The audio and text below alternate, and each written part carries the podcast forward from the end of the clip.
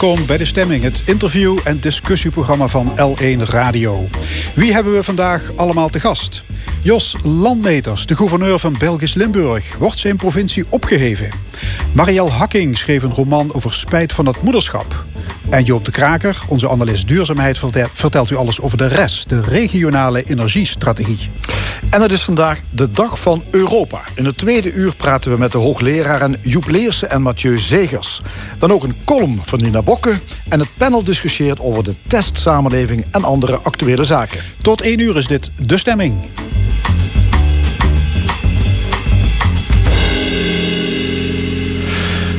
De voorbije weken hebben we in de stemming volop aandacht besteed aan de bestuurscrisis in het gouvernement, het opstappen van alle gedeputeerden en de gouverneur. In Belgisch Limburg hebben ze ook kopzorgen.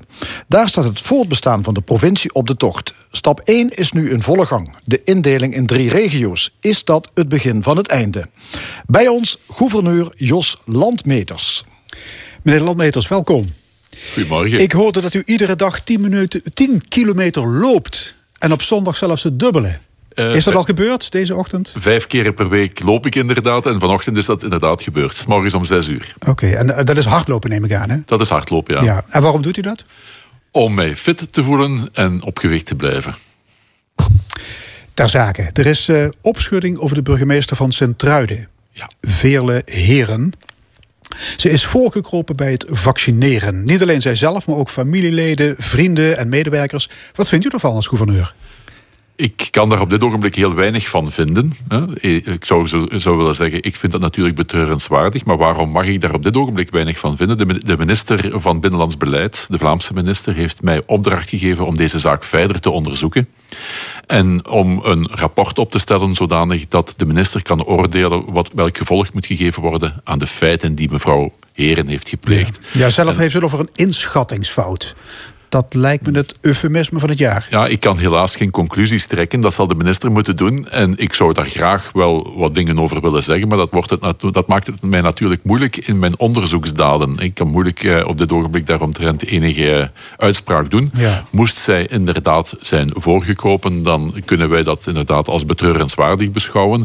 Maar ik zal onderzoeken wat zij eigenlijk allemaal juist heeft gedaan. En mocht het zo zijn, dan zult u haar ook aanraden om de burgemeester Scherp in te leveren.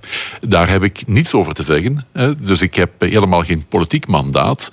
Wanneer dat eh, een burgemeester zulke daden pleegt, dan moet dat in de gemeenteraad van Sint-Truiden beslist worden. Ja. Morgen, morgen maandag is daar een gemeenteraad, een extra gemeenteraad, en daar zal waarschijnlijk beslist worden. Maar dat nogmaals, dat is. Uh, het voorrecht van de gemeenteraad om daarover te oordelen.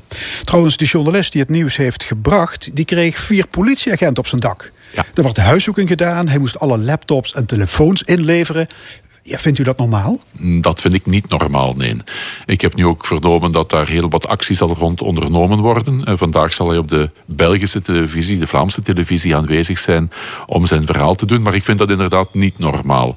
En wanneer dat een journalist uh, op die manier wordt geïntimideerd, dan kan ik dat alleen maar jammer ja, vinden. Journalisten hebben het recht om een bronnen te beschermen. De journalistenvakbond is ook woedend. Inderdaad, ik begrijp dat volledig. Goed, we zullen zien hoe deze affaire afloopt. Uh, u was advocaat in Genk. U was ook gemeenteraadslid voor NVA. Waarom wilde u gouverneur worden? Omdat dat voor een Limburger toch wel een hele hoge eer is om dat te mogen doen. Men wordt dan aanschouwd of beschouwd als zijnde het gezicht van de provincie. En ik denk dat voor een Limburger dikwijls geen hogere eer weggelegd is dan om gouverneur te worden van zijn eigen provincie. Ik vind dat fantastisch. Ja. En u noemt zichzelf een zachte anarchist. Ja. U schopt graag tegen heilige huisjes aan. Zit u dan niet op de verkeerde plek?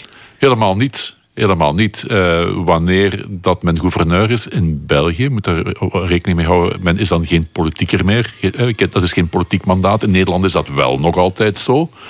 Um, men is, wordt eigenlijk het, het verlengstuk van de Vlaamse en de federale regering. En natuurlijk, wanneer dat iemand dan gedwee alles zou volgen, hmm. ja, dan heeft de Limburger daar ook weinig aan. Dus ik denk dat de Limburger er wel mee gebaat is dat er daar iemand zit die toch wel eens tegen heilige huisjes durft te shoppen. Ja. u weet dat wij in Nederlands-Limburg zonder bestuur zitten. Ja, alle gedeputeerden en de gouverneur zijn opgestapt. Uh, heeft u er een beetje gevolgd? Ik heb het heel goed gevolgd. Ik had een zeer goede band al jarenlang met Theo Bovens. Uh, ik heb het uh, heel goed opgevolgd. Ik heb uh, Theo zelfs tijdens de crisis nog enkele keren gecontacteerd. En ik vind het dus heel jammer wat er gebeurd is. Ja, hoe, hoe kijkt u naar dit politiek drama? Hoe ik daar naar kijk vanuit onze kant, van de andere kant van de Maas, bekijken wij dit uh, op een heel andere manier. Hier in Nederland wil politieke kuisheid toch iets meer zeggen dan bij ons. Ik vind dat men hier inderdaad heel snel gevolgen trekt. Terecht, opgepast. Uh, bij ons aan onze kant gebeurt dat wel wat later. En uh, natuurlijk vinden wij het heel jammer wat hier gebeurt. Maar we vinden het toch wel heel uh, knap, bijvoorbeeld van Theo Bovens, die eigenlijk niets te verwijten valt, dat hij toch politieke consequenties trekt uit, uit, uit, het feit dat er weinig vertrouwen in hem zou zijn. Of te weinig vertrouwen volgens hem. ik vind dat hij er al is weggegaan. Maar oké, dat is mijn persoonlijke mening. Misschien omdat ik hem ook zo graag heb. Ja, in Vlaanderen wordt behoorlijk gesteggeld over een nieuwe bestuurlijke indeling. Um, de, de, hele, hele Vlaamse gewest moet opnieuw worden ingedeeld in regio's. Limburg zou daarvoor in drie regio's opgesplitst moeten worden.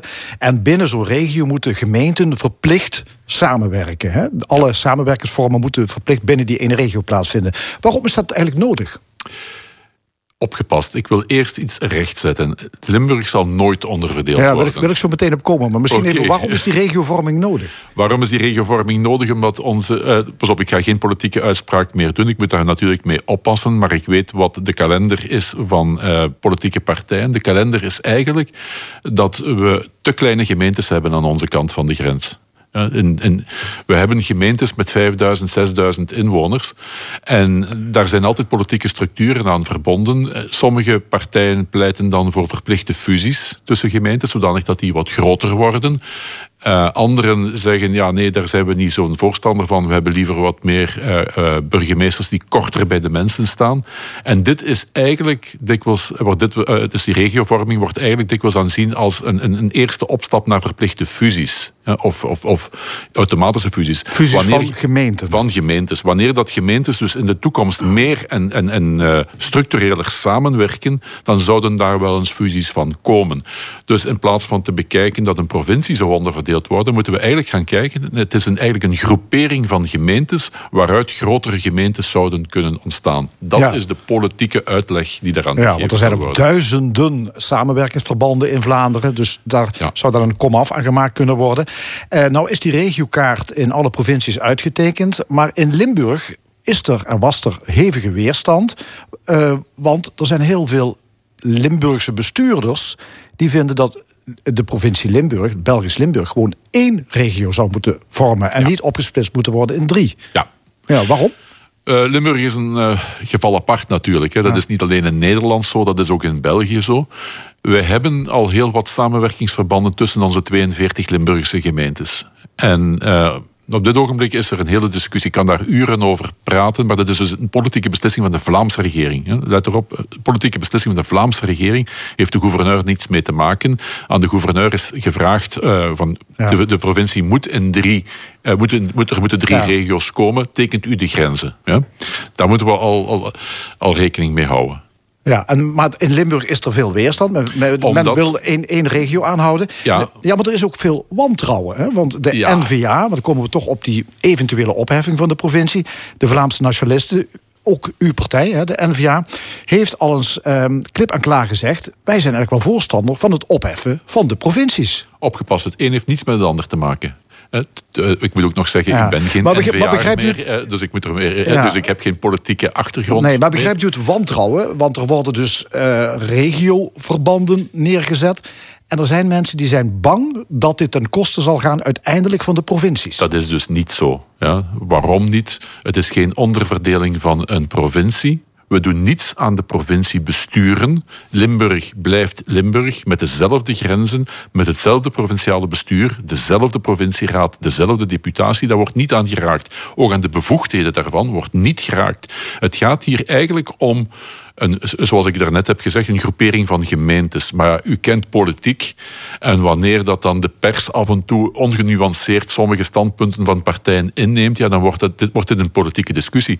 Maar hou er rekening mee in Limburg, we zijn een geval apart, heb ik daarnet al gezegd. In Limburg wordt voorzien dat we één supraregio zouden blijven, waarin dat alle 42 gemeentes nog altijd kunnen samenwerken wanneer dat zij dat willen. Ja. Maar de, andere, de drie onderverdelingen, als ik het zo mag zeggen, dat gaat dan over veel kleinere samenwerkingsverbanden. Ik wil heel even uh, vervolmaken dat dat heel duidelijk is voor de mensen. Uh, zoals u zei, we hebben gemiddeld 65 uh, intergemeentelijke samenwerkingen per gemeente. 65, sommigen hebben er 130. Nu, dat gaat voor die lagere verbanden over, laten we zeggen, kinderopvang bijvoorbeeld, fietspadenbeleid ja. enzovoort. Dat ik dikwijls denk van, ja oké, okay, ook de gemeentes zeggen dan ja, we hebben daar geen probleem mee dat dat binnen een bepaalde regio is. Ja? Maar sommigen maken daarvan, zoals u daar straks al zegt, ja, bijna het einde van de provincie. Maar dan zeg ik, dat is, schrik, dat is mensen wat, wat schrik aanjagen. Ja, maar het zijn niet de minste. De burgemeester van Bree eh, bijvoorbeeld, die noemt de regiovorming een kaakslag voor de provincie. Well, ieder zijn mening natuurlijk, dat is mijn mening niet. Ik ben de verdediger van de provincie. Ik ben de verdediger van de Limburger. En ik kan u garanderen dat de Limburger hiervan zelfs niets gaat merken. Ja, maar de provincies zijn eerder al uitgekleed. Er zijn heel veel bevoegdheden weggehaald. Ja. Is de provincie in België, in Vlaanderen, niet een sterfhuisconstructie? Het is dus inderdaad zo dat de bevoegdheid van de provincies door enkele politieke partijen, en dat is niet alleen één partij, maar dus meerdere partijen, in, in vraag wordt gesteld. En de bevoegdheden uh, die worden overgeheveld wat meer naar Brussel, maar ook naar de gemeente zelf. En dat komt er eigenlijk door. Hoe komt dat? Ja, we hebben Vlaanderen we hebben België. We hebben dus al twee bestuursniveaus. We hebben dan de gemeentes, dat is het derde. Ja, de provincie is dan een vierde uh, bestuursniveau, waarvan dat sommigen zeggen, kunnen we dat niet efficiënter beheren? Ik doe daar dus geen enkele politieke uitspraak over. Maar dat is dus inderdaad zo dat sommigen zeggen dat bestuursniveau dat mag uh, wat verminderen of verdwijnen zodanig dat de bevoegdheden nogmaals naar de, ofwel de gemeentes gaan ofwel naar Vlaanderen gaan. Maar dat is een bestuursniveau. Het zal nooit te maken hebben met de provincie op zich. Die zal altijd blijven bestaan. Ander punt. Ik heb begrepen dat u de samenwerking tussen Belgisch en Nederlands-Limburg nieuw leven wilt inblazen. Uh, wat denkt u aan? Wat, wat zou u willen? Ik eh, heb de indruk dat wij dikwijls niet meer weten wat er aan de andere kant van de Maas gebeurt. Ja, we hebben eigenlijk dezelfde eh, culturen, we hebben dezelfde taal heel dikwijls. Eh, om de, uit de uiterste niet te nagesproken. We hebben dezelfde geschiedenis, maar ook dezelfde problematiek op, op, op heel wat vlakken, tewerkstelling enzovoort. En toch kijken de Belgisch-Limburgers naar, naar Brussel en kijken dan naar de Vlaamse Ruit enzovoort. Terwijl in Nederlands-Limburg naar Den Haag wordt gekeken en naar andere instanties. En dikwijls denk ik, maar we hebben toch dezelfde problemen. We, kunnen we daar niet zelf de gezamenlijke oplossing voor, voor, voor zoeken? Uh, corona heeft nu, COVID heeft er nu uh, toe geleid dat wij dus inderdaad dikwijls niet meer wisten wat er aan de andere kant van de grens gebeurde, terwijl wij eigenlijk de net dezelfde problemen hebben. Dus ik wil op cultureel vlak wel samen, uh, meer samenwerking zien. Ik wil ook op economisch vlak veel meer samenwerking. Ja, u weet, dat is vaker gebeurd, hè? Dat is vaker. 2009, het Limburg Charter is toen ja. gepresenteerd door de toenmalige gouverneurs Stevaart en Frissen. De beide Limburgen moesten innig met elkaar samenwerken. We hebben van dat charter nooit meer iets gehoord. Wij ook Waar, niet. Waarom zou dat nu wel gaan lukken? Ik uh, kan maar proberen. Nogmaals, ik heb geen politiek mandaat, maar uh, ik moet proberen de politiek warm te maken daarvoor. Dus wat kan ik wel doen? Ik kan uh, partijen samenbrengen. We kijken daarvoor helaas voor Nederlands-Limburg niet alleen naar Nederlands-Limburg, maar we kijken ook wel naar Noord-Brabant. Want we hebben toch wel dikwijls grensoverschrijdende problemen. Waarom zou dat nu wel lukken? ik denk eh, ten eerste, ik moet het proberen. En ten tweede, het zal wel lukken wanneer dat we elkaar blijven ontmoeten. Want als ik het niet meer doe, dan gaan we elkaar ja. niet meer ontmoeten. Ja. Dan gaan we echt helemaal vervreemden okay, van elkaar. Dat zou jammer zijn. U noemde net corona. Ja. Uh, de Euregio wordt geafficheerd als een, als een gebied zonder grenzen. Dat gelooft nu toch geen mens meer? Als ik heel eerlijk ben, ik heb daar ook dikwijls mijn twijfels over. En dan denk ik, hier moeten we toch wel wat werk van gaan maken. Want uh, in, ik moet dat ook wel zeggen, als uh, gouverneur in België ben ik verantwoordelijk voor het veiligheidsbeleid. Dus anders dan in Nederland. Uh, we hebben dus onze veiligheidsregio, dat is de hele provincie Limburg en ik ben daar het hoofd van. Wanneer dat ik dan vaststel, één wat de maatregelen betreft, hoe weinig dat we van elkaar afweten. Maar ook de toepassing daarvan. Maar ook uh, de uitwisseling bijvoorbeeld van ziekenhuispatiënten. Wij kijken eerder naar, laten we zeggen, naar, naar Brugge om uh, patiënten te ver, verhuizen, bij wijze van spreken dan toch, dan naar Maastricht. En dan denk ik, we, we, moeten daar toch werk van gaan maken. Maar u heeft wel een punt wanneer dat u zegt dat daar eigenlijk weinig van gekomen is. Maar dat komt, en dan kom ik tot mijn punt, dat komt ook omdat de nationale regels heel vaak de regionale regels hebben overroeld. Ik denk dat we ons hebben laten in het ootje nemen. Ik denk dat we ons hebben in slaap laten wiegen en dat we te laat wakker geworden zijn. Uh, dat wij, we hadden eer, veel eerder moeten zeggen: houd rekening met de EU-regio. Wij weten hoe dat we grensoverschrijdende problemen gaan oplossen. En we kunnen moeilijk de nationale regeringen alleen maar problemen laten oplossen voor heel het land, alsof aan de andere kant van de Maas een heel andere wereld is. Ja. Dus gouverneur Jos Landmeters gaat er werk van maken. Ik ga er heel U gaat hopelijk toch niet de namen Oost- en West-Limburg weer introduceren, hè? Nee, dat ga ik helemaal niet doen. Daar heb ik geen zin in. Ja. We hebben nog een uh, Inter-Limburgs hoofdpijndossier. Uh, een tramlijn van Hasselt naar Maastricht.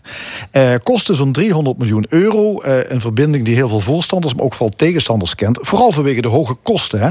Nu weer, het zou nu weer 58 miljoen euro duurder gaan worden. Nou, zonder in al die details te treden. Gaat dat plan ooit uitgevoerd worden? Ook dat is dus een dossier wat bij ons uh, van de Vlaamse regering, dus uh, niet van de, van, het Limburgse, van de Limburgse provincieraad of van de gouverneur. Wij zien dat wel gebeuren. En we hebben daar inderdaad, zoals u zegt, voor- en tegenstanders. En hoe langer dat, dat duurt, hoe meer twijfels dat iedereen heeft over uh, het feit of dat er wel gaat komen of niet. En de kostprijs verandert keer op keer. Ik heb er nog altijd vertrouwen in dat dat er gaat komen. Uh, ik weet dat er op dit ogenblik nog altijd vergaderingen plaatsvinden. De stad Maastricht is nog een, een uh, uh, gesprek gegaan met de Vlaamse regering onlangs, vorige maand nog. Ik weet dat er drie vergaderingen hebben plaatsgehad. Dat er op dit ogenblik nog altijd een, een haalbaarheidsstudie bezig is over het traject in Hasselt. Dus men is ja. er nog altijd mee bezig. Maar men is ook bezig met het aanbestedingsdossier, zowel aan de Nederlandse kant als aan de Belgische kant. Dus men is er nog altijd mee bezig. Ja, Ik heb ja, het nog men... altijd niet gezien, maar nee, men is er mee bezig. Nee, maar ja, men is er mee bezig. Maar uh, de problemen zijn ook immens. Hè. Hasselt wil geen bovenleidingen in de stad. Er is geen omgevingsvergunning, nog geen milieueffectrapportage. Onteigeningen zijn nog allemaal niet uitgevoerd. Uh, ja, het lijkt toch een gebed zonder eind. De Vlaamse regering heeft nog heel wat werk. En ik denk dat men in Nederland ook nog heel wat werk heeft om inderdaad die tram te laten rijden of die trambus, wat het ook ooit mag worden. Ik hoor van alles en ik zie van alles. Maar nogmaals, dat is dus inderdaad het werk dat de Vlaamse regering zal moeten opknappen. En het is inderdaad heel wat werk wat nog op de plank ligt. Ja. ja. Maar ik heb er vertrouwen in dat, uh, dat een goede samenwerking uh, kan zijn tussen de twee landen. Ja. Wat, wat, wat zou die tramverbinding ons kunnen gaan opleveren? Wel, initieel de initiële uh, problematiek, uh, daar kunnen we alleen maar uh, voor pleiten dat er een oplossing voor komt. Namelijk een verbinding van station tot station, van Hasselt naar Maastricht. Dat er een, een, een, een verbinding is tussen twee stations, tussen twee steden, met klokvaste verbindingen. Dat kon ons dat opbrengen. Maar natuurlijk, uh, wanneer dat, dat wordt afgekalfd en men geraakt niet meer van station naar station en, enzovoort, ja, dan begin ik mij ook af te vragen, uh, waar zijn we toch in godsere naam mee bezig? Het probleem is dat we geen treinverbindingen hebben, goede treinverbindingen tussen onze twee landen. Om naar Maastricht te komen moeten we over Luik. Ik ben van Genk. Ik moet al een trein nemen. Moest ik dat willen om naar Maastricht te komen, dan moet ik van Genk naar Hasselt. Dan moet ik dan gaan overstappen. Ik moet van Hasselt over Luik naar Maastricht. Terwijl mijn huis 17 kilometer gelegen is van Maastricht. Ja, ik kan me toch niet voorstellen dat mensen dat willen doen. Maar het probleem is, dat, dat is het probleem. Men wil daar een oplossing voor hebben. En dan zou er ook wat beter samenwerking zijn. Want wat is een van de grote problemen die wij hebben? Hebben. We komen te weinig onder elkaar. We hebben te weinig verbindingen tussen Belgisch Limburg en Nederlands Limburg. En het zou natuurlijk een eerste stap vooruit zijn in een goede samenwerking, als moesten we makkelijker bij elkaar geraken. Ja, maar ik geloof het levert zes minuten tijdwinst op, hè? In vergelijking met de, met de snelbus. Ja, maar nogmaals, ik uh, moet oppassen voor politieke uitspraken. Ik ga dat hier vandaag ook niet doen. Dat is een discussie die inderdaad door de Vlaamse regering moet gevoerd worden. En in het Vlaams parlement. Er zijn voor- en er zijn tegenstanders. Uh, en ieder heeft zijn reden. Oké, dank u wel, Jos Landmeters, gouverneur van Belgisch Limburg. Graag gedaan. Zometeen in de stemming schrijfster Marielle Hakking. Ze schreef een roman over het moederschap. Meer speciaal over spijt van het moederschap. Maar eerst de Belgische chanteuse Micheline van Houtem... samen met de koninklijke fanfare Kempenbloei uit Hamond-Achel. Een nummer van Jacques Brel, Le Flamande.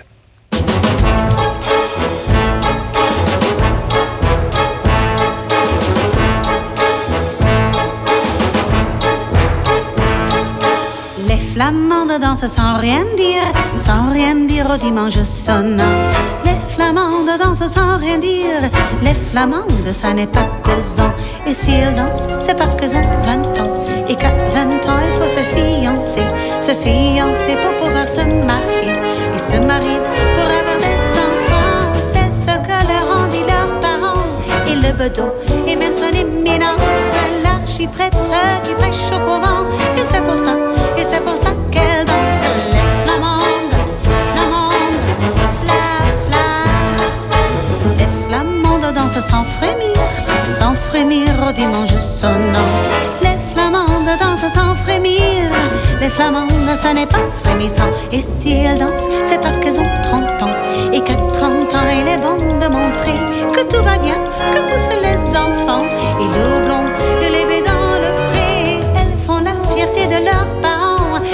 et de son éminence, l'archiprêtre qui prêche au couvent. Et c'est pour ça, et c'est pour ça qu'elle danse les flamandes, flamandes, fla, fla. Les flamandes dansent sans sourire, sans sourire au dimanche sonnant. Les flamandes dansent sans sourire, les flamandes ça n'est pas souriant. Et si elles dansent, c'est qu'elles ont 70 ans, qu'à 70 ans il est bon de montrer que tout va bien, que poussent les petits enfants. Et le blanc et le blé dans le pré, toutes vêtues de noir comme leurs parents, comme le bedeau et comme son éminence. L'archiprêtre qui radote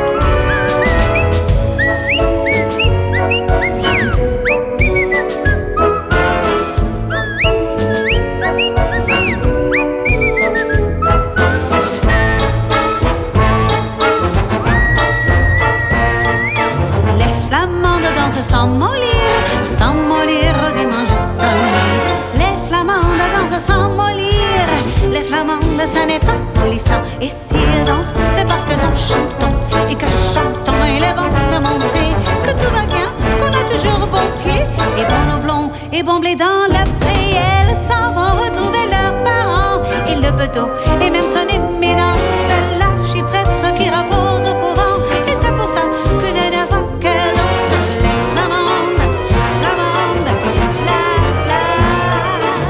Flamandes, flamandes, fla, fla. Flamandes, flamandes, les fla, les fla, les flamandes. Les Flamande, Micheline van Houten. Marielle Hakking komt uit Limburg, maar woont in Griekenland. Ze schreef haar eerste roman, Een echte moeder. Over moeder en dochter die een cruise maken over de Middellandse Zee. Tien dagen op elkaars lip zitten gaat natuurlijk niet zonder ruzie en irritatie. Maar er is ook toenadering en er komen geheimen aan de daglicht. Rode draad in het verhaal is spijt van het moederschap. Onze volgende gast, Marielle Hakking. Mevrouw Hakking, we spreken elkaar via een lijnverbinding.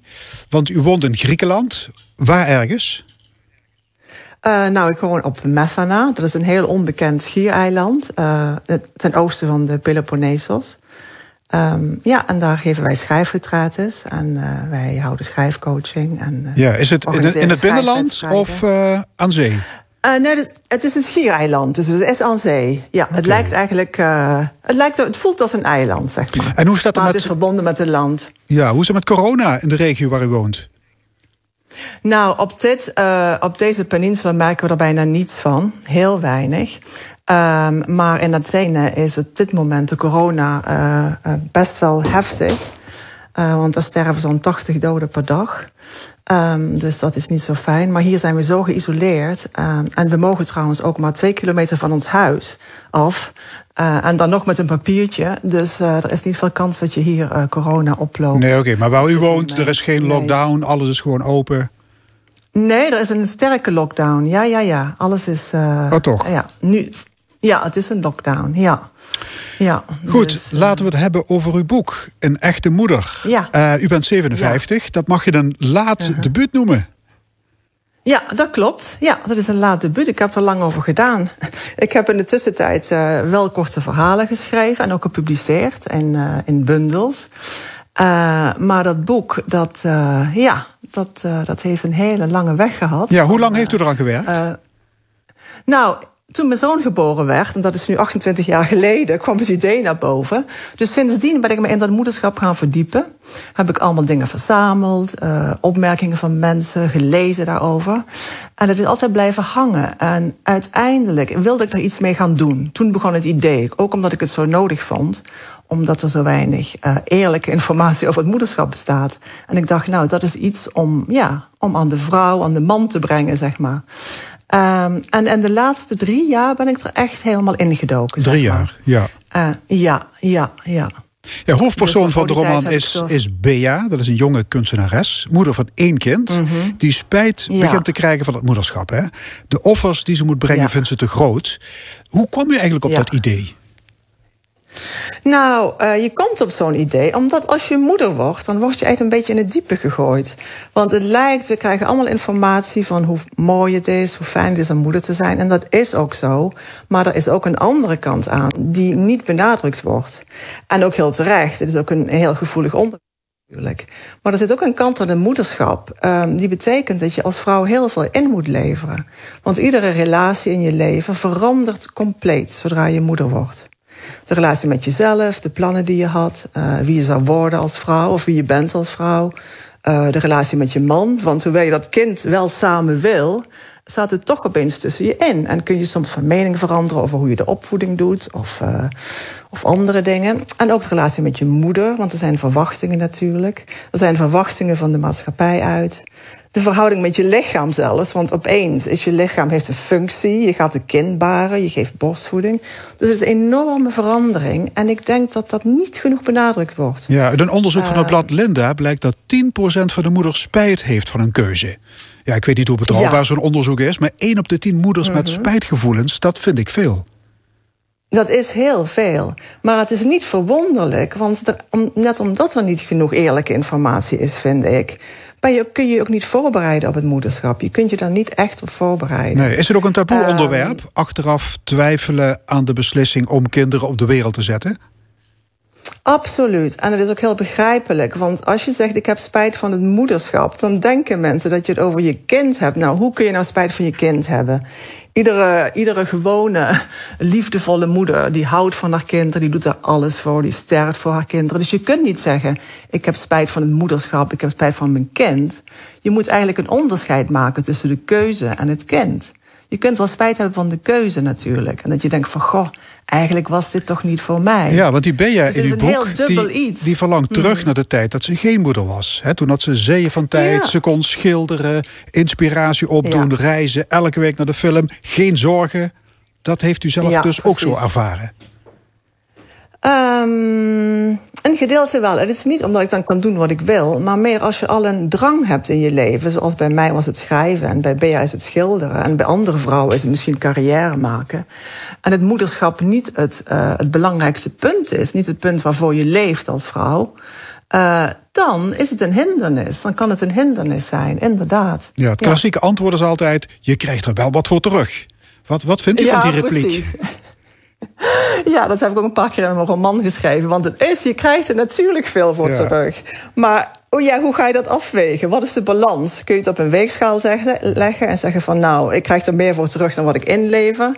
En dat is natuurlijk voor iedere vrouw anders. En ik denk die vrouwen die spijt hebben, ja, dat slaat die weegschaal inderdaad door naar dat van nou, ik krijg er niet genoeg voor terug. Ja, maar dat die Bea fulltime moeder wordt, komt eigenlijk doordat haar man blijft doorwerken. He, die stort zich liever op zijn werk dan dat hij samen met zijn zoontje twee emmertjes water halen zingt. Zit daar, niet, zit daar niet vooral de pijn? Ja, daar zit ook de pijn. Ik denk dat, um, dat het idee over moederschap toch nog steeds bij vrouwen terechtkomt. De taak dat die nog steeds bij vrouwen hoort.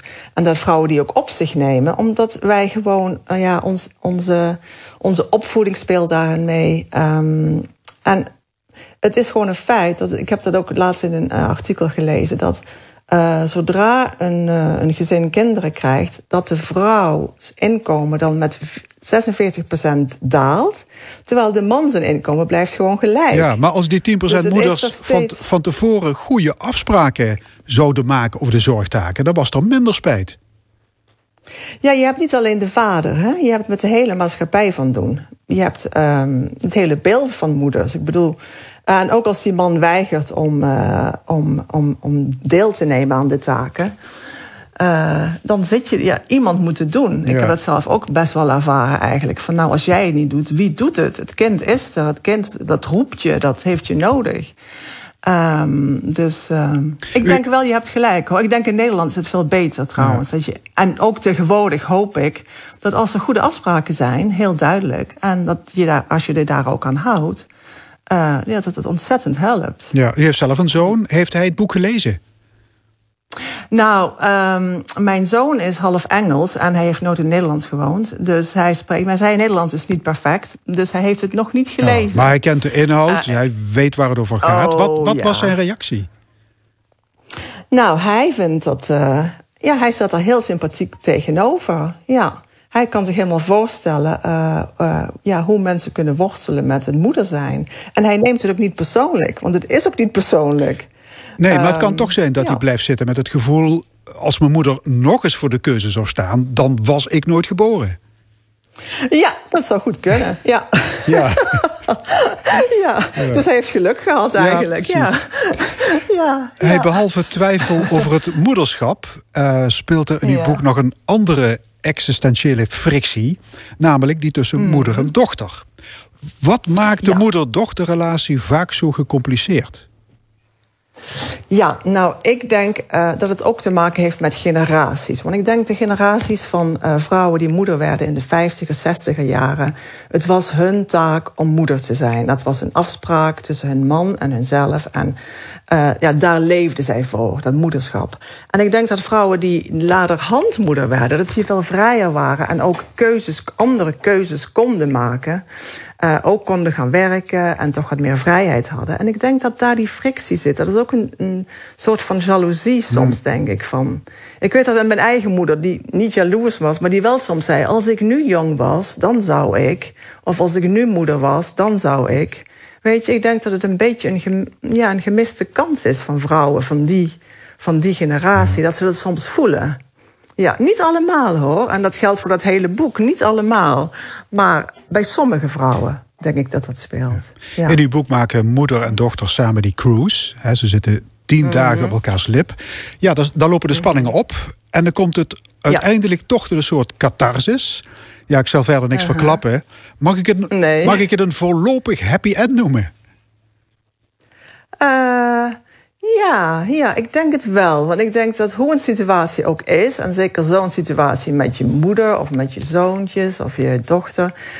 je moet er gewoon een happy end van maken, want je hebt geen keuze. Mm. Uh, ik denk dat de verstandigste manier om iets op te lossen... of een conflict of een, uh, of een uh, frictie is door te accepteren. Ja, te accepteren wat er wel is en wat er wel goed aan is.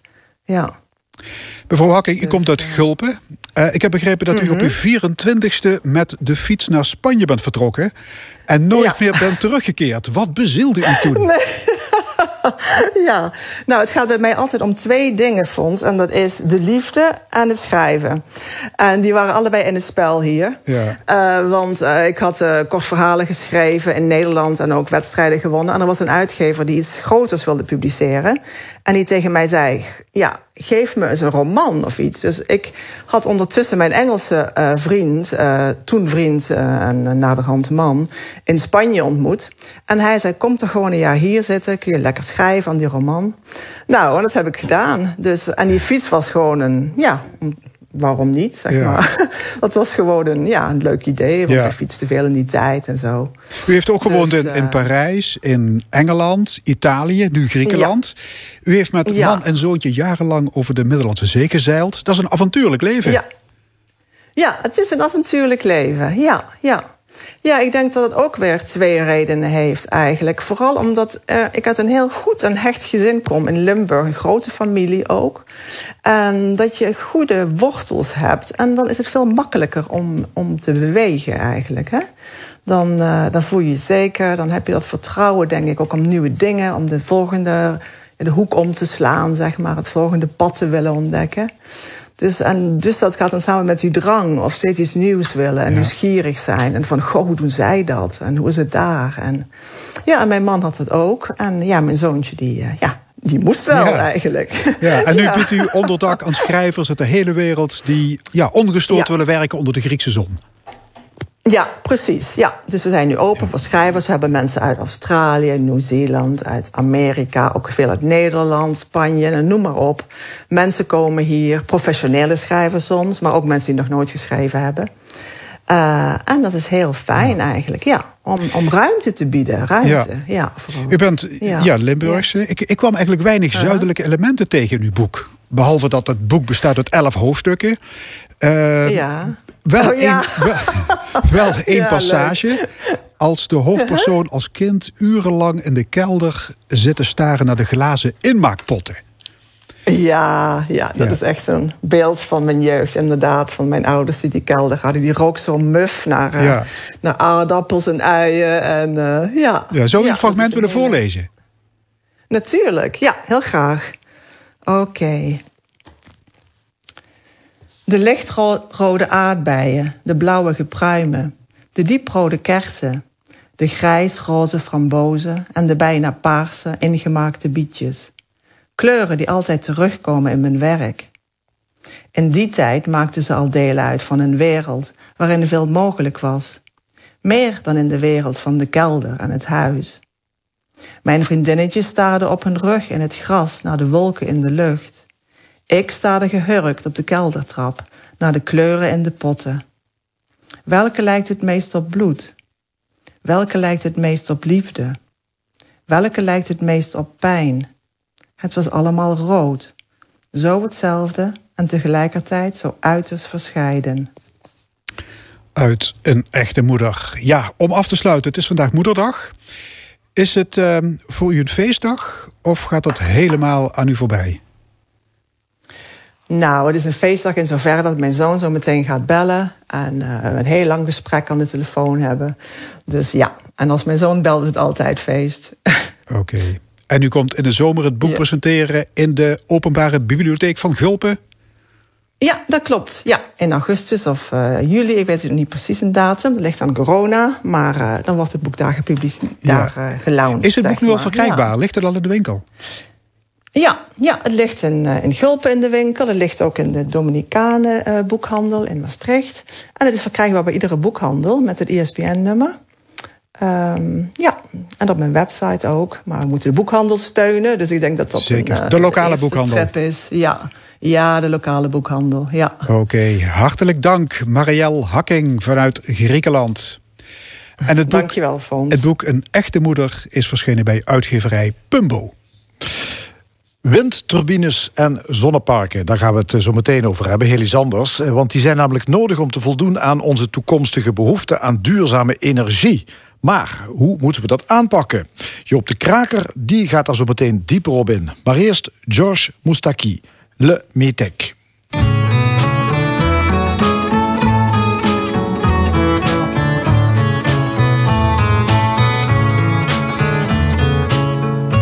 Avec ma gueule de métèque, de juif errant, de pâtre grec, et mes cheveux aux quatre vents.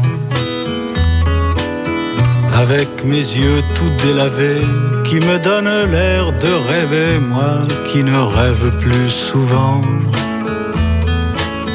avec mes mains de maraudeurs, de musiciens et de rôdeurs qui ont pillé tant de jardins.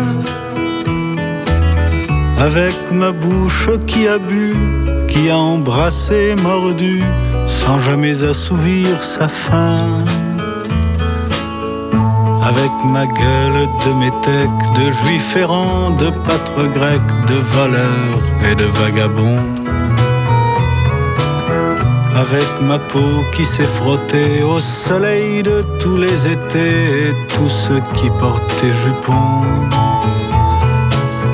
Avec mon cœur qui a su faire souffrir autant qu'il a souffert sans pour cela faire d'histoire. Avec mon âme qui n'a plus la moindre chance de salut pour éviter le purgatoire avec ma gueule de métèque, de juif errant, de pâtre grec et mes cheveux aux quatre vents. Ma douce captive, mon âme sœur, ma source vive, je viendrai boire tes vingt ans. Et je serai prince de sang rêveur ou bien adolescent, comme il te plaira de choisir. Et nous ferons de chaque jour toute une éternité d'amour que nous vivrons à en mourir. Ferons de chaque jour toute une éternité d'amour que nous vivrons à en mourir.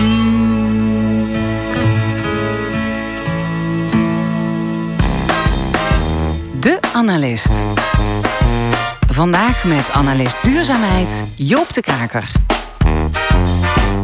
Goedemorgen Joop. Goedemorgen. Uh, jij wil het hebben over, nou hou je vast, de regionale energiestrategie. De RES heet dat in ambtelijk jargon. En daar zullen veel mensen denken van uh, help, nooit van gehoord. Maar het gaat over zonne-energie, het gaat over windturbines en dat soort zaken. En dat gaat behoorlijke invloed hebben. de RES, wat, wat, wat, is dat eigenlijk? Ja, ik hoop dat binnenkort veel meer mensen weten wat het is. Van de overheid is net een campagne gestart hè, van regionale energiestrategie. niet makkelijk, wel nodig. Um, en ja, wat is nou de rest? Heel kort samengevat. We hebben in het klimaatakkoord afgesproken dat we gaan onderzoeken waar we duurzame stroom kunnen opwekken en hoe en hoeveel. En daarvoor is Nederland opgedeeld in 30 energieregio's. Met het idee om die opgave van al die duurzame stroom die opgewekt moet worden, evenredig over Nederland te verdelen. En die energieregio's die moeten nu per 1 juli een definitieve energie, regionale energiestrategie vaststellen.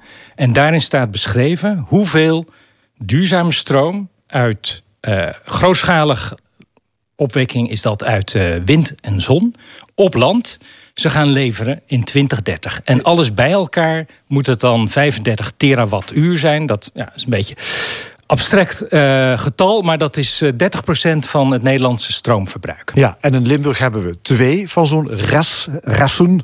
Ja, ja, vreselijk woord, maar twee van die regio's. Zuid-Limburg en Noord- en Midden-Limburg. Um, dus die moeten aan de slag. Die moeten gaan uittekenen waar komen windmolens, waar komen van die zonneparken. Hè, want daar gaat het eigenlijk om. En de overheid komt dus nu met die campagne. Niet makkelijk, wel nodig. Terwijl jij zegt 1 juli moet het klaar zijn. Waarom komen ze nu met die campagne? Uh, ik vind het ook rijkelijk laat, moet ik zeggen. Uh, ze zijn daarmee uh, gekomen omdat het gewoon niet lekker loopt met die res. dus een klein jaar geleden zijn die ressen voorlopig vastgesteld. En vervolgens zijn daar de gemeentes mee naar de burgers gegaan. En dat stuit overal op, op veel verzet. Dat lees je regelmatig in de krant en in het nieuws. Niemand wil van die windmolens, niemand wil van die zonneparken. Ja, ja overal waar ze met die plannen komen, verzet. Uh, dus uh, goed, uh, de gemeenten hadden wel behoefte aan een steuntje in de rug vanuit de overheid. En verder, ja, je zei al, wie heeft er ooit van gehoord? Hè? Dus het is behoorlijk onbekend. Dus de overheid wilde ook tegemoetkomen daaraan. Want het verwijt is eigenlijk van ja, er worden allerhande plannen gemaakt. Uh, er wordt bedacht waar windmolens moeten komen, waar zonneparken moeten komen. En het speelt zich eigenlijk grotendeels onder de radar van de gewone burger af. Ja. Dus vandaar die campagne. Maar het, is, het is inderdaad heel laat. Ja, want je weet wat er allemaal gaat komen natuurlijk. Hè. Als die plannen eh, gepresenteerd worden, daar hoef je geen helderziende voor te zijn. In Limburg zijn dus twee energieregio's. Noord- en Midden-Limburg is er eentje en Zuid-Limburg is er één. Jij wil je eigenlijk in dit gesprek focussen op Zuid-Limburg, want die is het spannendste. Ja, die is het spannendste omdat die het moeilijkste is. In uh, Noord- en Midden-Limburg uh, hebben ze eigenlijk al heel veel gerealiseerd, of ligt al heel veel in plannen vast. En er wonen ja, eigenlijk ook niet zo heel veel mensen. Dus er is best veel ruimte. In Zuid-Limburg zitten we met een veel hogere bewoningsdichtheid. We zitten met een landschap wat grotendeels beschermd is als nationaal landschap. En er is eigenlijk nog maar een fractie van wat ze zouden willen gaan opwekken nu gerealiseerd. Dus het, ja, er moet nog heel veel. En het is ook nog eens heel lastig. Ja, want je kunt je voorstellen... en een bewoond gebied wil niemand uh, een windmolen naast zijn deur... en zetten we het in het landschap dan loopt iedereen weer te krakelen, want ja, het is zo'n prachtig landschap. Ja. Dus, dus, eigenlijk een onmogelijke opgave in Zuid-Limburg. Ja, dat klopt. Het, uh, het, het is uh, heel lastig. En nou, wat ja. interessant is nu, is wat je ziet... is dat ze dat proberen te vangen in een uh, minimum en een maximum bod. Ze zeggen van nou, we hebben een bepaalde hoeveelheid duurzame stroom, die kunnen we in 2030 minimaal opwekken. Dat, dat kunnen we minimaal halen. Uh, maar het zou ook een stuk meer kunnen zijn. En dat hangt dan af van ja, hoeveel we rekening gaan houden met allerlei bezwaren, protesten, met, met het kwetsbare landschap, met bewoners enzovoort. Dus het, het idee is van, nou, dit kunnen we in elk geval halen. En het kan misschien meer worden als het meezit, als iedereen een beetje meewerkt eigenlijk. Ja, maar Joop, ik voel hem al aankomen. Iedereen gaat voor dat minimale bod dan toch? Uh, nou ja, dat, dat uh, zou je denken. Maar uh, de vraag is of je daar die invloed ook op hebt. Om te zeggen, doe het minimale bod maar. Uh, wat ze gedaan hebben, is gezegd hebben van... nou, we hebben een voorkeursvolgorde. En ehm, de allereerste voorkeur uh, om, om zon- en windenergie te gaan opwekken is niet in het kwetsbare, mooie Limburgse heuvelland, maar in de bebouwde gebieden. Dus uh, we gaan eerst proberen alles in bebouwd gebied te halen. En dat zou dat minimum dan moeten zijn. En dan afhankelijk van nou of, of het dan lukt toch om nog ook daar buiten dingen neer te zetten, dan kan het meer worden. Alleen als je goed kijkt, dan zie je dat in bebouwd gebied, dat is bijvoorbeeld uh, hele grote windturbines, en die zijn heel groot tegenwoordig, uh, op de, langs de randen van Parkstad. Nou goed, als je in het Heuvelland staat, dan zie je die natuurlijk ook. Dus uh, wat betekent het in bebouwd gebied? verder is het zo dat ze alle opties tegelijkertijd gaan onderzoeken. Dus in bebouwd gebied, maar ook daarbuiten. Nou, wat gebeurt er dan als dan binnen bebouwd gebied, waar het idee is van nou, heel veel zonnepanelen op grote daken leggen, uh, als dat heel moeizaam wordt en heel duur wordt, uh, zoals het nu steeds al is. Hè, het, het gaat al steeds heel, uh, heel moeizaam. Terwijl bijvoorbeeld in het Heuvelland op, op landbouwgrond boeren staan te trappelen om daar zonneakkers aan te leggen. Nou, wat gebeurt er dan? Als die ene keus heel vlot gaat en niet veel hoeft te kosten, en die andere gaat heel moeizaam, dan ben ik bang dat er toch voor dat laatste gekozen wordt. Ja, dus dan hebben we wel die minimumvariant waar we op inzetten in bebouwd gebied. Hè, waarvan iedereen zou denken, daar zou, het, daar zou het het liefst willen. Maar dan is toch het prijsmechanisme. Hè, want die boer die zegt van ja, kom maar, ik wil die akkerbal volzetten. Eh, dat drijft ons dan toch ongewild die andere kant uit. Dat we dadelijk het Heuvelland, nou ja, gechargeerd, vol leggen met zonnepanelen. Ja, ik uh, ben inderdaad bang dat dat wel gebeurt. En niet alleen de prijs, maar natuurlijk ook de weerstand. Hè? Uh, dus als er uh, heel veel weerstand is, uh, bijvoorbeeld van bedrijven die zeggen van ja, we gaan onze daken niet volleggen met zonnepanelen, want dan gaat de verzekeringspremie als een raket omhoog. En de dakconstructie is helemaal niet sterk. En wie gaat dat allemaal betalen? En noem maar op. Ja, dat wordt allemaal heel moeizaam. Dus dan ga je toch die kant op. Ik vind het heel jammer dat toch voor zo'n relatief hoog minimumbod, hè, dat klinkt wel aardig. Eh, een minimumbod, denk je, nou, dat zal wel niet veel zijn. Maar dat is toch het gemiddelde wat eigenlijk van een energieregio verwacht wordt. Hè? Dus als je die totale opgave voor heel Nederland, die 35 terawattuur, deelt door 30, dan kom je ongeveer op 1,1, 1,2. En dat is het minimumbod voor Zuid-Limburg. Ja. Dan denk ik van ja. Had nou gezegd uh, van we zitten hier heel, in een heel lastig parket. Uh, vanwege de bewoningsdichtheid, vanwege het landschap, uh, wat een beschermd landschap is. Wij komen met een veel lager minimumbod ja. vanwege onze omstandigheden. En we willen echt ons best gaan doen om dat hoger te krijgen. Maar ja, dat hangt toch van, van veel dingen af die we niet in de hand hebben. Nee, we hadden gewoon lager moeten insteken. En Vind dan, ik wel. Uh, ja. nou, als het meer had geworden, dan hadden we dat wel meegemaakt. Ja. Ja. Heb je ook nog wat positieve punten kunnen vinden in de, in de plannen van het rest Zuid-Limburg? Uh, Jazeker, ja. Ik, uh, één punt vond ik echt uh, een heel goed plan. En dat is om. Nou, het is dus de voorkeur om in bebouwd gebied te beginnen. Hè, om zoveel mogelijk uh, zon- en windenergie op te wekken in bebouwd gebied. En voor zonnepanelen hebben ze gekozen om parkeerterreinen te overdekken met zonnepanelen. En dat vind ik echt een goed idee. Ik heb dat in de Verenigde Staten uh, gezien. Dat kan echt heel mooi. Dat, dat zijn gewoon mooie afdakjes boven de parkeerplaatsen. En die afdakjes zijn dan zonnepanelen. Je kan je auto daar mooi onder zetten. Dan staat die uit de zon, uit de regen. En je kan hem meteen opladen als het een elektrische auto is. Uh, dat, dat vind ik echt een heel goed plan. Dus ik hoop dat ze dat ook gaat lukken. Uh, dat dat niet uiteindelijk dan toch te duur blijkt te zijn of zo. Uh, wat ik een minder goed punt vond, uh, is dat die uh, energiestrategie voor de regio Zuid-Limburg, die is opgeknipt in, in drie deelstrategieën. Ja, dan, dan begin ik al help te roepen, want we hadden al een rest, 30 resten, en dan gaat rest Zuid-Limburg zichzelf ook nog eens opknippen Ja. in drie subresten, of weet ik Ja, dat dan ja, deel, Ja, deelstrategie Ja, of deelresten, ik, ik weet niet hoe ze het noemen.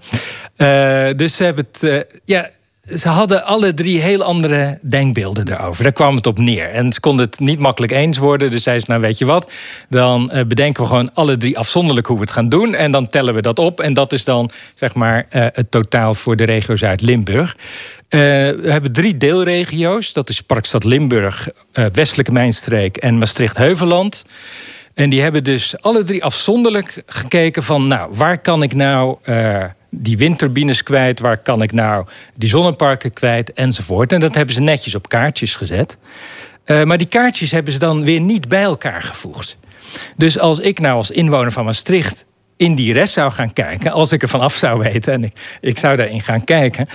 Uh, dan kom ik een kaartje tegen van nou, Maastricht-Heuveland. Dus uh, dan denk ik, nou, oh, dat is mooi, hè? Dus er zitten helemaal geen, geen windmolens in, picobello. Maar ik zie dan niet dat bijvoorbeeld Parkstad aan de rand... allemaal windturbines heeft gepland. En, en misschien Westelijke Mijnstreek ook wel. dus had dat nou even samengevoegd ja. tot één kaartje voor Zuid-Limburg... je maakt het de burgers wel heel erg moeilijk op deze ja, manier. Ja, wordt wel erg ingewikkeld, ja. De cruciale vraag is natuurlijk... gaat dat nou iets worden met met die, met die energievoorziening, met die rest, krijgen we inderdaad op deze manier, met, met, dus met uh, maar zeggen, zo'n rest, uh, krijgen we daarmee die windmolens geplaatst en die zonnepanelen? Ja, ik, uh, ik weet het niet hoor. Ehm, in elk geval zal het op heel veel verzet stuiten. Dat zie je alleen maar toenemen. Om die reden is onder andere ingezet op zoveel mogelijk zon in plaats van windmolens. Hè, omdat dat die het meeste verzet oproepen tot nu toe. Uh, er is ook ingezet op lokaal eigenaarschap. Met het idee van, nou, dan hebben mensen niet alleen de lasten, maar ook, ook de lusten. Uh, ik weet niet of dat genoeg is, of dat echt uh, gaat helpen. Um, ja, dus ja. afwachten of dit de oplossing is. Ja, dat is, uh, dat is echt afwachten. Ik, nou, ik, ah. ik hoop dat het lukt. Ja. We gaan het volgen in elk geval. Dankjewel, Joop de Kraker. Dankjewel. Vandaag, 9 mei, is het Europadag. Dan vieren we de verjaardag van de EU. Straks de eminente Europadeskundige Joep Leersen en Mathieu Segers. Verder een column van Nina Bokke en het discussiepanel bespreekt opvallende actualiteiten. Blijf luisteren, tot zometeen.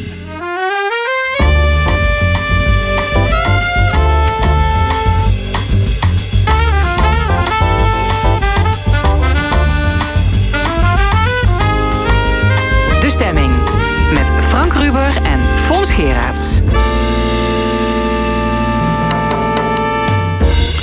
Opnieuw welkom bij De Stemming, het interview- en discussieprogramma van L1. Wat nog allemaal in de tweede en laatste uur. Straks discussieert het panel met Tirza Hoebe, Cor Bosman en Loek Hustings over het coronapaspoort en andere actuele zaken. Er is een column van Nina Bokken, maar eerst Europa. Want vandaag, 9 mei, is het niet alleen Moederdag, maar het is ook de Dag van Europa. Een goed moment om het te hebben over de campagne EU-olifant, het corona-herstelfonds en het verdrag van Maastricht. En wie kun je dan beter uitnodigen dan Mathieu Zegers, hoogleraar eigen tijdse Europese geschiedenis, en Joep Leersen, hoogleraar Europese studies. Heren, welkom. Ja, Moederdag kennen we allemaal. Uh, de Europadag is wat minder bekend. Joep Leersen, waar komt die Dag van Europa vandaan? Ja, waar komt die vandaan? Um, de datum is gekozen omdat uh, in 1950 op deze dag uh, het plan werd geopperd om de Franse en Duitse kolen- en staalvoorraden tot één gezamenlijk reservoir te maken. Dat zou een wapenwetloop onmogelijk maken en een economisch fundament creëren voor de samenwerking. En dat is eigenlijk de grondslag geweest van de Europese dus economische gemeenschap en wat ja, we nu kennen als de Europese Unie. Oké. Okay. Ja. ja. op weg naar de studio vanmorgen heb ik. Uh eigenlijk geen enkele Europese vlag gezien. Nee. Weten mensen het niet? Of interesseert ze het niet? Of... Ik denk dat hebben, ze, hebben ze geen Europese vlag thuis? Uh, veel mensen zullen er geen hebben. Uh, we moeten ook beseffen dat wij in Nederland in een van de meest eurosceptische landen van Europa leven. Dus wat in Nederland niet be bekend is, is misschien anders in, iets anders in Luxemburg of in Portugal. Uh, maar trouwens, Moederdag, dat is in elk land op een andere dag. Ik weet ook niet of ik nog Moederdag in België, Ierland of Nederland moet vieren. Dus hmm. dat is een beetje zoals het uitkomt. Okay. Maar inderdaad, uh, men vond het nodig om wat symbolen voor Europa te creëren. Want wij hebben oranje en we hebben Koninginnedag, nu Koningdag. En we hebben rood-wit-blauw. En wat had Europa? En ergens in de jaren tachtig zijn ze begonnen om wat meer die vlag met die twaalf sterren te pushen. En ook die Europadag. En toen is een soort campagne op gang te komen. En die is nog niet niet helemaal voldragen. Het vogeltje fladdert, maar vliegt nog niet okay. echt. Joep, we gaan even terug naar 1992. Ja. Toen is het verdrag van Maastricht ondertekend. Volgens Mathieu Segers hier aan tafel een succesnummer van de Europese kunst van de politiek. Uh, bijna 30 jaar geleden alweer, hè?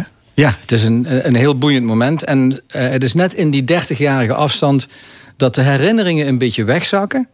En je begint te zien wat voor een historisch moment het eigenlijk was. Dus eh, geheugen begint zich nu te veranderen in, in geschiedenis. Ja. ja. En nu is een projectgroep van de Universiteit Maastricht van plan om uh, verhalen van Limburgse burgers te verzamelen over die Inderdaad. Eurotop. Ja. Nou, maar wie, wie heeft er nu herinneringen aan de Eurotop van 92?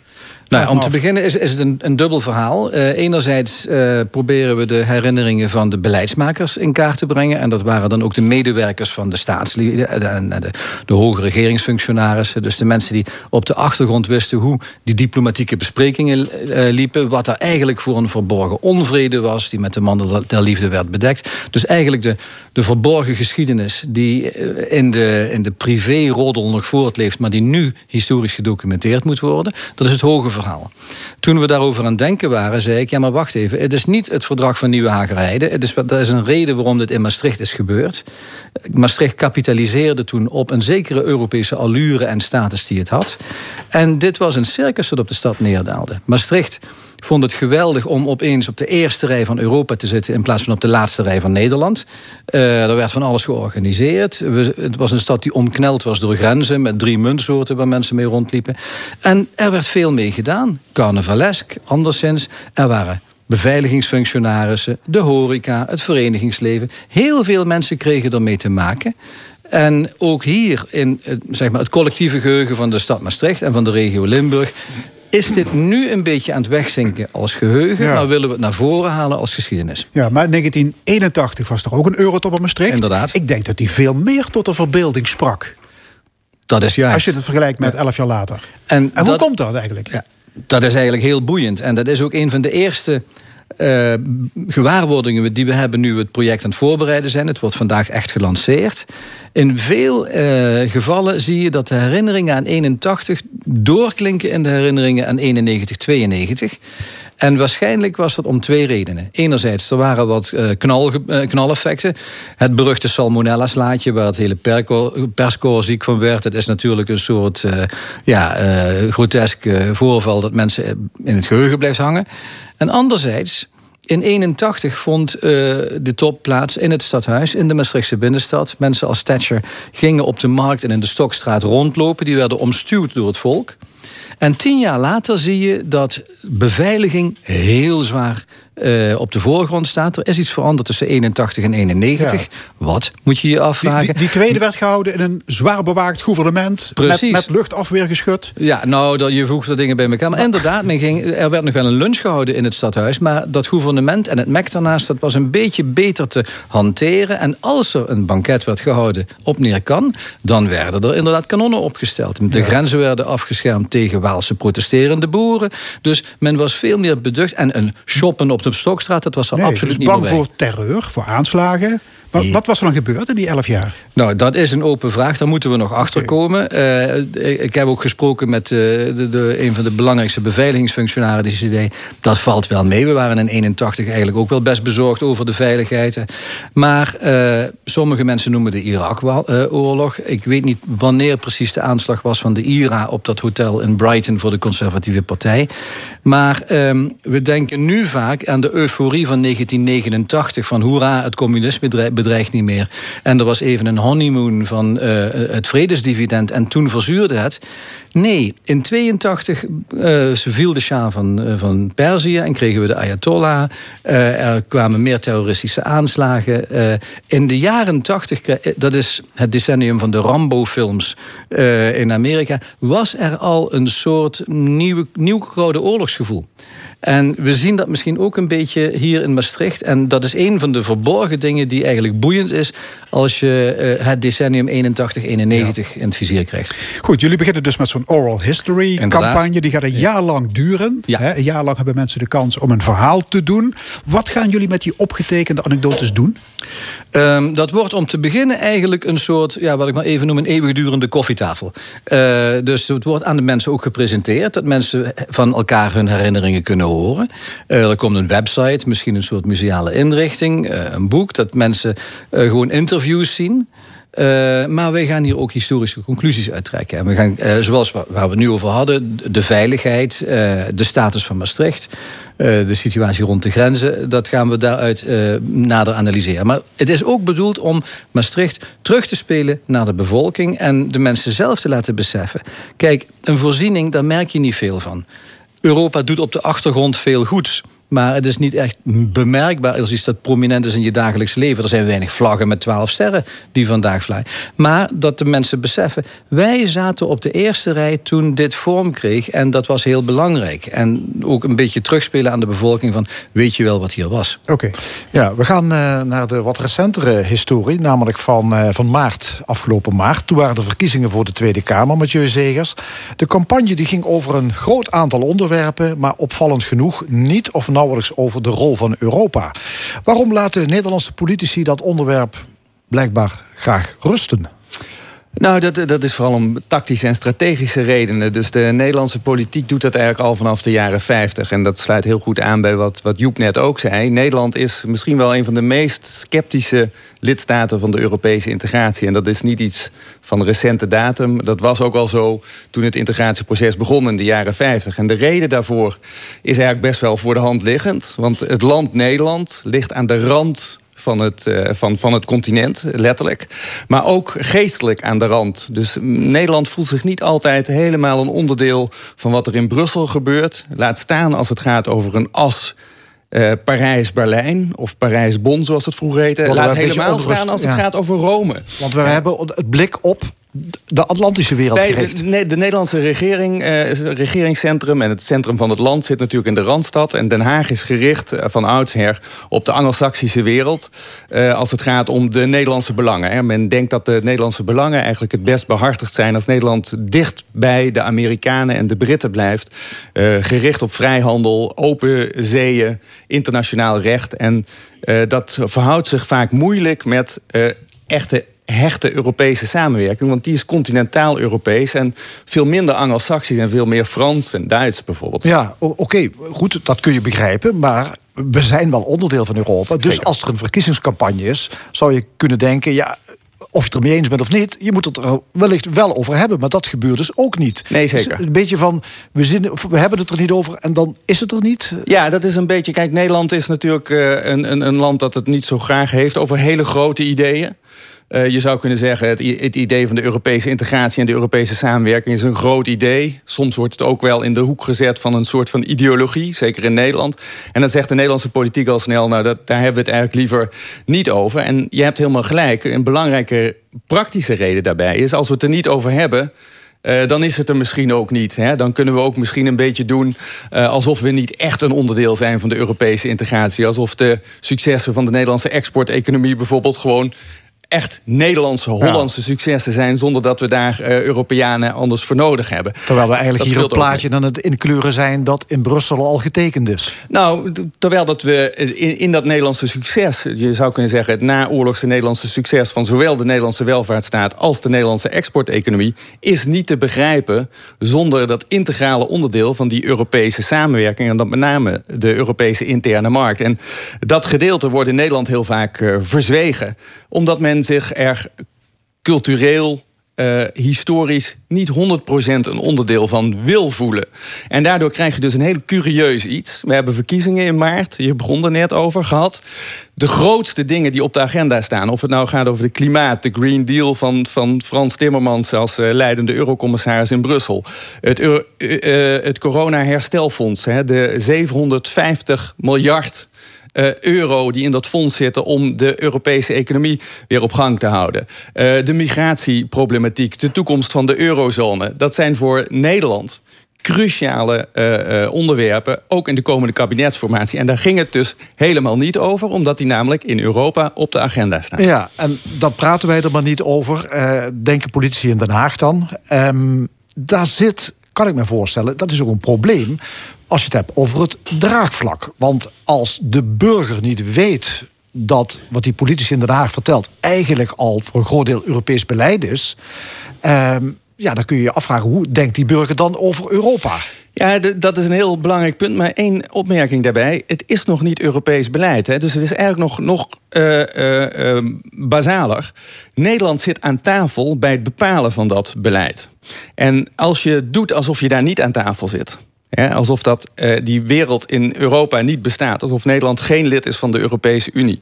Maar de grote vraagstukken die aan de orde zijn, ook in Nederland, corona, Green Deal, migratie, ik heb het net genoemd, die worden wel Europees op een gegeven moment vertaald. En de bevolking ziet, hey, eh, in Europa praat men erover mee. Het heeft ook gevolgen voor Nederland. En je hebt daarvoor de hele tijd gedaan als regeringsleider bijvoorbeeld, alsof je daar geen onderdeel van bent. Ja, dan gaat dat ten koste van je geloofwaardigheid. Want dan krijgt de bevolking de indruk dat wat er gebeurt op die dossiers bepaald wordt buiten het land, namelijk in Brussel. En dat is het kwalijke gevolg hiervan. Want doordat je doet alsof het er niet is, wek je de indruk dat het buiten je controle is als het op je bordje komt. Eh, en dan kun je ook niet meer uitleggen dat je daar zelf een onderdeel van bent geweest. Maar de Nederlandse regering, premier Rutte, alle ministers, die zijn constant onderdeel van die Europese overlegmachine. Waar gesproken wordt over hoe gaan we met dat corona-herstelfonds om. Hoe moeten we die Green Deal precies inrichten? Hoe verhouden we ons ten opzichte van China enzovoort. Ja. Ja, we hebben net eh, de Brexit-ellende achter de rug. Joep Leersen, hoogleraar Europese studies. Was dat het hoogtepunt van het anti-Europa-sentiment? Ehm, nou, Of ik denk. zoals je... Ja, het was natuurlijk wel een echte crisis. Een, een, een golf die daar zijn piek bereikte. Ehm, en je merkte eh, daar twee dingen aan. Enerzijds hoe eigenlijk een soort gebrek aan ehm, openheid over hoe belangrijk Europa is voor de alledaagse eh, zaken in het land. Op een gegeven moment eh, in de kaart kan spelen van heel harde ideologische groepen. die gewoon een, een soort eh, ja, alleingang willen voorstaan, eh, unilateralisme zijn. En ten tweede, als, als het eenmaal weg is, zoals in het liedje van Joni Mitchell: You don't know what you've got till it's gone. De Britten kunnen nu niet meer in Noorse wateren gaan vissen. En opeens merk je hoe, hoeveel makkelijker het allemaal was toen je nog onderdeel was van die Europese Unie. En dat valt nu allemaal weg. Ja. En je maar, maar krijgt... denk jij dat de EU-burgers wat, wat, of de, dat de burgers meer EU-minded aan het worden zijn? Gaat dat weer de goede kant op Ehm, in jouw optiek? Ik denk het wel. Ik denk dat de, eh, wat Mathieu schetst, de gedachte dat ehm, uh, eigenlijk een Europa door de nationale regeringen als een ver van je bedshow werd gepresenteerd. Die slinger heeft zijn verste uitslagpunt nu wel bereikt. Ja. We zien inderdaad dat als we lezen over hoe Vestager met Apple of Google uh, onderhandelt, of hoe Timmermans omgaat met het klimaat, dan beseffen we dat onze politiek gemaakt wordt in Brussel en dat er soms verstandiger mensen bezig zijn dan in Den Haag. Uh, dus ik denk dat in de publieke opinie een besef van onze belangen worden in Brussel uitonderhandeld en die worden daar in beleid vertaald. Dat begint wel meer te leven. Komt het ook door de ongure wind die er, die er waait? kijk naar China, het, het, het Rusland van Poetin, gemuteerde ja. virussen uit Brazilië en India. Hm. Ja, dan kun je beter veiligheid zoeken in een huis van Europa. Inderdaad. Zoiets? Ja, uh, ik, ik, denk dat. Uh, kijk, elk land heeft om uh, een, een soort wijgevoel te creëren. een boze buitenstaander nodig. En die, die komen er steeds ja. meer. Dus Europa was eerst een soort ethische club van laten we vooral geen oorlog meer voeren. En durfde niet echt negatief met de vinger naar Amerika te wijzen. Alleen de Gaulle deed dat soms. Maar we hadden geen, geen, geen buitenlandse vijanden. We stonden alleen maar voor aardige dingen.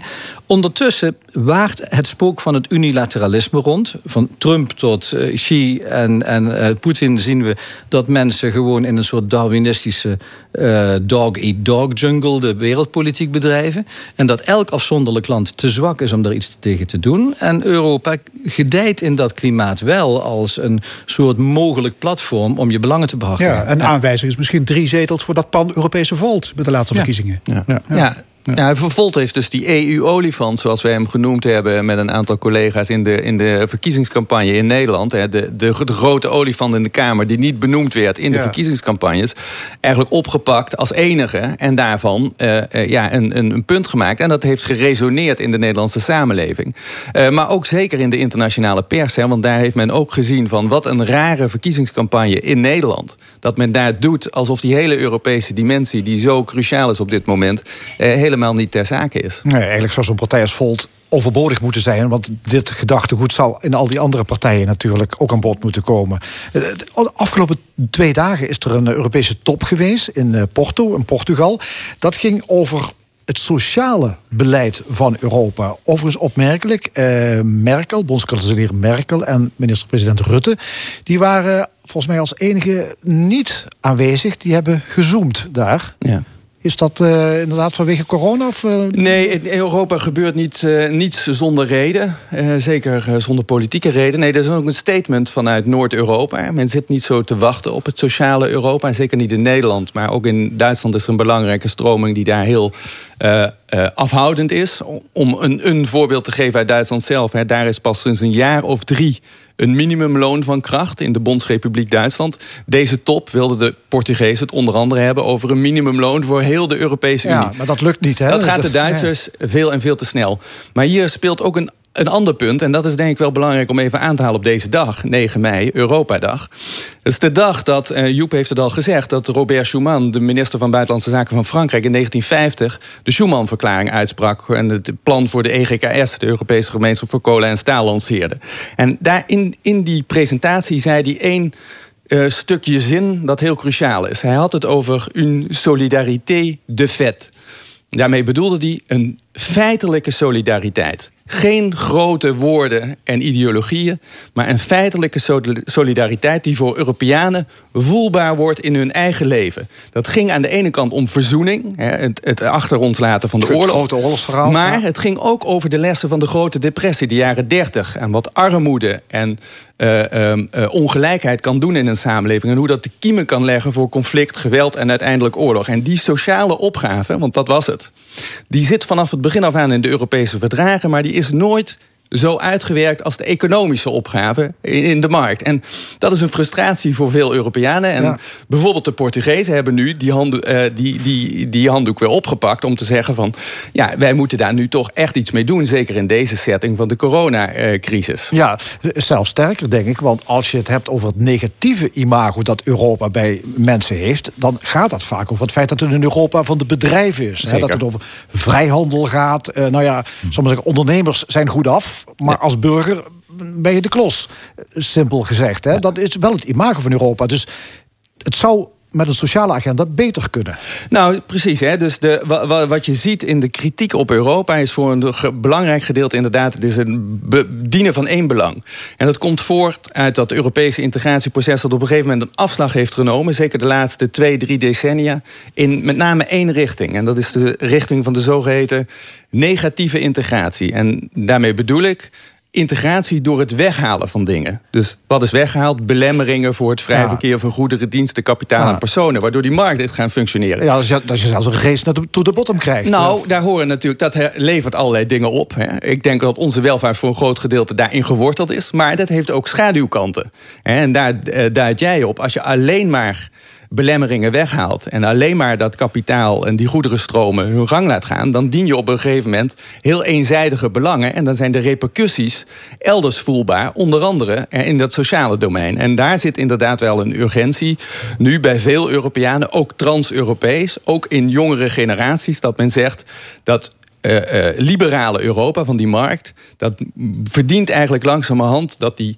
andere pijler, die er vanaf het begin af aan in zat, die solidarité de vet, dat die wordt ingevuld met concreet sociaal beleid en doelstellingen op dat Europese niveau. Ja, de vraag is natuurlijk waarom willen Nederland en Duitsland dat niet? Nou, Nederland en Duitsland, die, dat zijn exporteconomieën. Die hebben heel veel baat bij die interne markt zoals die nu functioneert. Die hebben niet zoveel zin om fondsen te vullen om bijvoorbeeld werkeloosheid in andere delen van die interne markt te, compenseren. Ja, er gaat al heel veel geld, uh, bijvoorbeeld via dat naar bijvoorbeeld Zuid-Europa. Uh, de sociale en structuurfondsen die Europa heeft, die gaan voor een groot gedeelte naar Midden- en Oost-Europa. En de Duitsers en de Nederlanders zeggen daarvan dus, nou, voordat we die mensen gaan helpen daar met sociaal beleid, is het misschien een goed idee om te kijken of zij zelf niet wat krachtiger kunnen worden. En dat kun je het beste doen via concurrentie of institutionele concurrentie. En dat is natuurlijk een klassiek liberaal idee. De Duitsers zijn daar veel gematigder in dan de Nederlanders. Maar om als eerste onderhandelingszet op het Portugees voorzitterschap nu, komt het de Duitsers ook niet slecht uit om even op afstand mee te vergaderen. In plaats van daar eh, met de rode konen allerlei grote idealen over het sociaal Europa te, te gaan uh, onderstrepen. Ja. zie jij uh, een nieuwe generatie EU-politici die meer tot de verbeelding spreekt dan de oude hap? Um, ik zou me dat wel kunnen voorstellen. En uh, iets dat uh, Mathieu voorzichtig aanstipt, dat begint zich nu te ontwikkelen. Namelijk de gedachte dat je een, uh, een nieuwe generatie krijgt van mensen die wel een beetje uitgekeken zijn op het neoliberale gedachte van de kleine staat en de vrije markt. En laat de markt zijn werk doen en de onzichtbare hand van de economie. Dat leidt tot een verloedering van de economie. Europa heeft door uh, uh, diverse vormen van beleid, dat uh, er geen nationale staatssteun aan bedrijven zou mogen zijn of dat soort dingen, die deregularisering in de hand gewerkt. En ik denk dat er nu een, een, een tegenbeweging is van uitgerekend jongeren en zeg maar linksere mensen die zeggen: het is heel goed voor de staat om in te grijpen in de economie en daar een verdelende rechtvaardigheid te, gaan hanteren en niet gewoon de grote bedrijven hun gang te laten gaan. en waarbij dus een nieuwe sociale Europa-economie wordt gedaan. Ik denk dat Volt daar een redelijk goed voorbeeld van is. Uh, dus ik zie, ik zie dat wel komen, ja. Oké. Okay. Uh, niet jullie... voor Rutte en Merkel, maar wel voor de generatie ah, na hen. Oké. Okay. Ja. Hartelijk dank. Joep Leersen en Mathieu Zegers op deze Europa-dag. En we gaan naar uh, de column. Nee, muziek.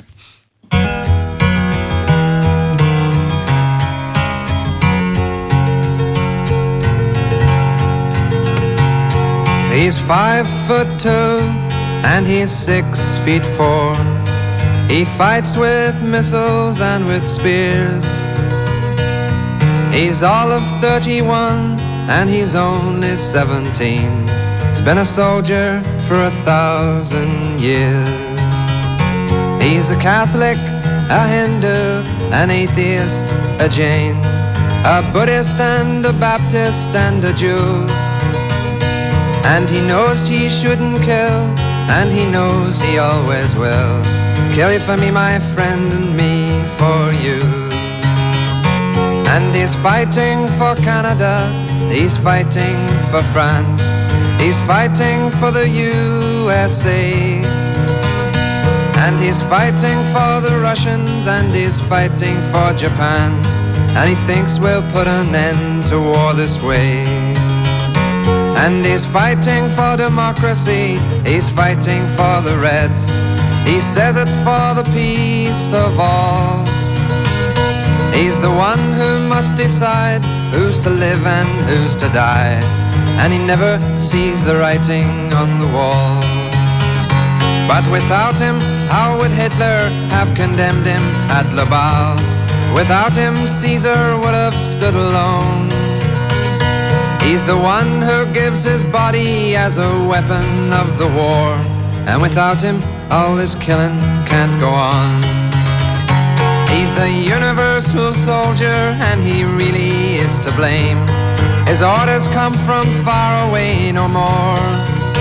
They come from here and there, and you and me. And brothers, can't you see? This is not the way we put the end to war. Universal Soldier van Donovan. En dan komt hij nu echt, de column. De column. Vandaag met Nina Bokken. Toen mijn moeder net zo oud was als ik nu, was het 1992. Ik was 10 jaar. Het jaar dat de paus, beter laat dan nooit, erkende dat de aarde om de zon draait en niet andersom.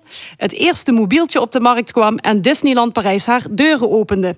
Ik zag hoe Sneeuwwitje ongevraagd werd wakker gekust door een prins en het verdrag van Maastricht werd getekend. Alles zou goed komen, dacht ik. De EU stond nog in de kinderschoenen en dat de prins Sneeuwwitje ongevraagd wakker kuste, daar maakte niemand zich toen druk om. Maar dat niemand zich ergens druk om maakt, hoeft niet te betekenen dat er niets aan de hand is. Sprookjes dienen immers als een waarschuwing. En vaak is er veel meer mis dan op het eerste gezicht lijkt. Sneeuwwitje moest bijvoorbeeld ook in haar eentje het hele huishouden van zeven dwergen doen, zonder dat ze zelf een poot uitstaken. Geen haan die daarin kraaide. Ruimhartige figuren zijn dus niet altijd goedaardig. Iets dat te mooi lijkt om waar te zijn, is dat meestal ook. Ik woon in de binnenstad en liep deze week nog compleet in mijn lockdown-gewenning de straat op. Het leek wel alsof ik in een fantasiewereld belandde. Volle terrassen, drukke winkelstraten, alsof er nooit iets was gebeurd. Zoals in elk sprookje lijken de omstandigheden aanvankelijk veelbelovend, maar je weet dat ergens in het verhaal een les verborgen zit. Althans, dat zou je denken. Maar het lijkt er allerminst op dat iemand die heeft opgepikt. De wegen naar de stad stonden vol met auto's met Belgische en Duitse kentekens. Dat is het voordeel van de EU. Vrij reizen zolang er geld verdiend kan worden. Maar als het gaat om iets waar de burger echt wat aan heeft, zoals volksgezondheid of schone lucht, dan blijkt regelgeving iets heel ingewikkelds te worden. Dingen minder ingewikkeld maken lukt alleen als ergens veel geld mee gemoeid is. Het ministerie van VWS trok 1,1 miljard euro uit voor Field Lab evenementen. Onder leiding van ondernemer Tom Middendorp mag Stichting Open Nederland al dat geld verdelen. Dat bleek terecht te komen bij maar een paar grote spelers die per dag bijna 43.000 euro subsidie ontvangen. De coronatesten krijgen ze gratis van de overheid. De artiesten die er optreden ook. Die worden namelijk door helemaal niemand betaald. Maar de Zwitserse farmagigant Roche, die eerder in opspraak raakte door mogelijk machtsmisbruik en het niet vrijgeven van testreceptuur, kreeg zonder aanbesteding miljoenen voor de levering van testen.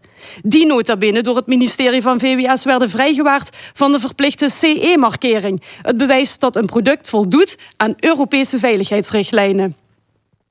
De volgende halte is de coronapas, waar inmiddels groen licht voor is gegeven door het Europees Parlement. En daar moet nu vaart achter volgens Rutte, want we moeten met z'n allen weer zoveel mogelijk reisbewegingen maken. Precies dat waarmee corona is binnengekomen en precies dat waarmee we gevaccineerd en wel weer nieuwe zoonosen kunnen verspreiden. Alles in naam der vrijheid. De luchtvaart gaat in ieder geval een glorieuze toekomst tegemoet. Zeker nu bekend is dat Europa zich in de Green Deal, een routekaart naar een duurzamer Europa, laat leiden door de adviestak van BlackRock. Een Amerikaans bedrijf dat een vermogen van bijna 6700 miljard euro beheert. En een groot deel daarvan belegt in fossiele brandstoffen. Spiegeltje, spiegeltje aan de wand. Wie casht het beste in dit land? De column was dat van Nina Bokken in de stemming van L1. Uh, het discussiepanel heeft plaatsgenomen om van gedachten te wisselen over het coronapaspoort en over posters en cartoons die verwijzen naar de oorlog. Vandaag rond de tafel ambtenaar energietransitie Teresa Hoeben, communicatieadviseur Loek Hustings en middenstander Cor Bosman. Ja, we gaan even door op die column. Hè. Toegangstesten eh, die moeten het de komende maanden mogelijk maken om de samenleving weer te openen. Eh, vinden jullie het een goed idee om mensen eh, ja, op die manier een mogelijkheid te geven om weer naar het museum, restaurant, concert te gaan? Fantastisch idee. Geweldig idee. En dat ze daar ook nog zo'n paspoort voor uitvinden, ik vind het briljant. Um, het enige pech is natuurlijk dat dat paspoort eraan komt tegen de tijd dat meer nodig is. Maar het idee wat erachter zit, is, um, vind ik prima. En natuurlijk doen zich er discussies voor van mag dat wel en moet dat wel. Nou, voor mij mag dat heel zeker. Je bent er wel aan toe, geloof ik. hè? tijd is. Wat zeg je? Je bent er wel aan toe. Nou, ik ben er zeker wel aan toe. Ehm, eh, na een hele tijd opgesloten te eh, hebben gezeten aan de ene kant van, het, eh, van de Maas, eh, is het ook wel leuk om het andere land weer eens te betreden. maar ehm, het is ehm, natuurlijk. Weet je, het, het, het paspoort heeft ermee te maken. Je krijgt dat als er een aantal voorwaarden zijn voldaan. Of je moet gevaccineerd zijn. Of je moet de besmetting al gehad hebben, zodanig dat je immuun bent. Of je moet getest zijn. Als je aan een van die drie factoren niet wenst mee te werken, dan is het je eigen keuze om dat niet te doen. En dus vervolgens ook een aantal, van een aantal mogelijkheden geen gebruik te maken. Dus niet naar het museum te kunnen, niet de kroeg in, niet, ehm, naar, de, niet naar winkels toe. Nou, prima, uitstekend. Als jij zegt, ik wil dat niet, Dan heb je gewoon pech gehad. dan heb je pech gehad. Dan, dan had je, als je de keuze anders gemaakt had, die vrije keuze, had je dat allemaal wel gekund. Ja, is, Het, maar, maar is het dan toch niet een verkapte keuze eh, om je te laten... Of, of is het dan toch niet... eh, dwing je mensen toch niet om zich te laten testen Nee, of vaccineren? Nou ja, weet je, ik, ik, ik, eh, ik steun het verhaal achter het paspoort met betrekking tot ik heb corona al gehad of ik heb me laten vaccineren. Hè? Dat, dat, dat die keuze. Maar wat ik geen keuze vind, geen vrijheidskeuze vind, is dat ik me moet laten testen middels testjes om bijvoorbeeld naar de bioscoop, film, winkel dadelijk. Als ik een portemonnee heb die goed gevuld is, boeien, ik ga wel. Maar dan vind ik het nog steeds een echt eh, een onderdeel waar we goed moeten nadenken. Niet elke burger hier in Nederland heeft die welgevulde portemonnee om voor al die wisselwasjes en testjes te laten doen. Dus ik pleit juist voor een paspoort waar gewoon in staat of ik het heb gehad of dat ik gevaccineerd ben. En daar jaag ik naar. Want ik vind echt het reinste onzin dat we ons dadelijk voor alles moeten laten testen. En de, beurs, of de burger met een goede portemonnee die kan overal binnen. En een heel deel van onze samenleving die heeft het kijken naar. Ik hoop toch dat we dat niet met z'n Maar die allen willen. testen zijn voorlopig eh, gratis, dus je hoeft je nog geen zorgen te maken. Nee, die testen zijn gratis als je elke keer naar de teststations gaat. Maar als jij elke keer bijvoorbeeld wat ze nu willen gaan doen richting bioscoop. Ik hoor al bedragen van 7,50 euro bijvoorbeeld. Dat kan toch niet? Dan wordt het bioscoopkaartje erg duur, wil je zeggen. Dus ik wil gewoon zeggen, we gaan nu dadelijk weer naar een verdienmodel op coronatestjes. Ja, ik, ik, ik voel de bui al hangen. Ja, Cor Bosman, hoe kijk jij naar de mogelijke testsamenleving die op ons afkomt? Ja, als ik deze discussie tussen de beide tafelgenoten hoor, dan, eh, dan blijft mijn, eh, mijn punt staan. Dit is een complete non-discussie. Gewoon een complete non-discussie met een peperduur prijskaartje, 1,1 miljard. Ja, we hebben aan de andere kant we hebben ook een vaccinatieprogramma. Ja, precies. Dan, ik zeg gewoon vaccineren, vaccineren, vaccineren, vaccineren. Zo snel als mogelijk. Totdat iedereen die dat wil op basis van vrijwilligheid gevaccineerd is. En zoals Loek ook al aangeeft, nou wil jij je niet laten vaccineren. Dan maak je daar je eigen keuze in. En dat betekent wellicht dat in de toekomst jou een aantal beperkingen opgelegd worden. En als ik dan kijk naar de discussie afgelopen week in, eh, in de Tweede Kamer. Waar een hele dag geouwehoerd en geneuzeld wordt over, over zoiets. Eh, de discussie die had veel meer moeten gaan over het vaccineren. Dan haal je dit hele probleem haal je mee onderuit. En dan hoor ik mensen roepen van ja, de onschendbaarheid van het lichaam. Wat als een of andere hotemetoot eh, op, op, op, om eh, eh, zijn of haar moverende redenen zegt van nou, ik wil mij niet laten vaccineren. Hoe zit het dan met mijn persoonlijke vrijheid of veiligheid? Ik vraag er niet om door iemand die op basis van zijn eigen keuze niet wenst gevaccineerd te worden, wens ik ook niet besmet te worden. Dat is de andere kant van het verhaal. Ik denk dat de discussie helemaal fout is. Want je gaat nu. We hebben aan de ene kant zetten we alles op alles om te vaccineren. Om immuniteit te, te creëren in, eh, in Nederland. En dan gaan we aan de andere kant gaan we weer iets, eh, eh, iets invoeren. Waardoor we misschien iets zouden kunnen versnellen. Terwijl als ik afgelopen week weer kijk naar het beschamend optreden van de Ajax-supporters. Waar 14.000 mensen zich 0,0 aantrekken van alle regeltjes. Scheid hebben aan Jan en alle man. en, en iedereen. Ja, En ook nog een gangmoment mochten gaan. En hè? ook nog een, een keertje hun gang mochten laten gaan, of, eh, gaan. Nee, sorry jongens, non-discussie. Ja. Hou op met die flauwekul. Ja, het vaccinatiepaspoort, ja goed, dat kan misschien een vaccinatiebewijs kan er over een tijdje zijn. Maar god, tot die tijd eh, denkt de politiek na over het testen. Maar, is dat praktisch? Maar dat, dat is eh, toch zo bizar. Dat ja? daar echt werkelijk, want ik geef Cor gelijk. Want ik blijf deze hele discussie op een manier bekijken dat ik denk: ben ik nou een van de weinigen die hier denkt van waar zijn we nou mee bezig? Maar het is een manier We willen- om sneller, Ja, maar eh, hoeveel sneller? We willen toegankelijk toch te maken dat we weer naar de we willen bioscoop binnen kunnen. twee maanden iedereen gevaccineerd. Tenminste, dat zeggen ze elke keer. Hè? We hopen in juli toch wel iedereen gevaccineerd te hebben. Nou, dan denk ik, dan zijn dit soort dure modellen. Ik denk als je de Nederlander vraagt... wil je nog een paar weken wat voorzichtiger zijn... dat de meesten daar wel voor zullen gaan. Dan zullen we de markt openstellen om absurde bedragen... voor al die testjes voor elk plekje waar ik naartoe wil. Maar denk je niet dat mensen, want eh, ik hoor mensen zijn er ook aan toe. Hè? Kijk naar de winkelstraten. Mensen willen gewoon erop uit. Dus zo snel mogelijk nu. testen. Ja. Ja, dus, tuurlijk. Dus Ja. blijkbaar zijn er heel veel mensen die misschien wel Ja, eh, mensen, testen mensen, willen. mensen en- zijn er ook aan toe, maar er is een heel redelijk alternatief. En dat is het vaccineren. En ik spreek Maar best dan moet je nog een paar maanden wachten. Eh, als dat de consequentie zou kunnen zijn. Want de, eh, het testen geeft ook geen absolute zekerheid dat het in de toekomst wel weer mogelijk is. Want dat voorbehoud maakt minister De Jonge van wat als eh, het aantal besmettingen weer begint op te lopen. En de discussie die nu gevoerd wordt, wij vergeten nu heel gemakkelijk dat voor de coronatijd, en dan praten we over nog ietsjes meer dan een jaar geleden, ging jij naar een of ander eh, tropisch of eh, eh, weet ik wat voor land, dan moest jij gewoon een vaccinatiebewijs overleggen. Want in sommige gevallen kwam je het land gewoon niet binnen. En nu gaan we er in één keer heel erg spastisch over doen. En dat is de dubbele moraal in Nederland. Oké, de Limburg had deze week een cartoon over dit onderwerp. Eh, op die tekening zie je minister De Jonge, die zo'n paspoort in de hand houdt. En het bijverhorende vignet staat ook op zijn linkerborst. Dus een verwijzing naar de, naar de Jodenster. Veel commotie op de social media. Wat vinden jullie van deze cartoon? Nou ja, Terza, luister, Ruben? allereerst, ik vind hem zeer onsmakelijk gekozen. Maar aan de andere kant, ik vind dat we in Nederland het recht hebben om juist dit soort cartoons te mogen publiceren. Ik vind ook dat als cartoonist moet je respectvol met dat stukje vrijheid omgaan. Hè? De, de, de vrijheid dat je mag plaatsen en tekenen wat je wil. Dat houdt dus ook in, als je een onsmakelijke tekening zoals deze publiceert, dat de halve wereld over je heen valt. Vind ik ook terecht. Maar helaas, ja, ik, ik ga wel voor dat stuk vrijheid. We hebben dat vaker toen eh, deze discussie gevoerd. Hè? Mogen bepaalde cartoons, mag je ook bepaalde zaken.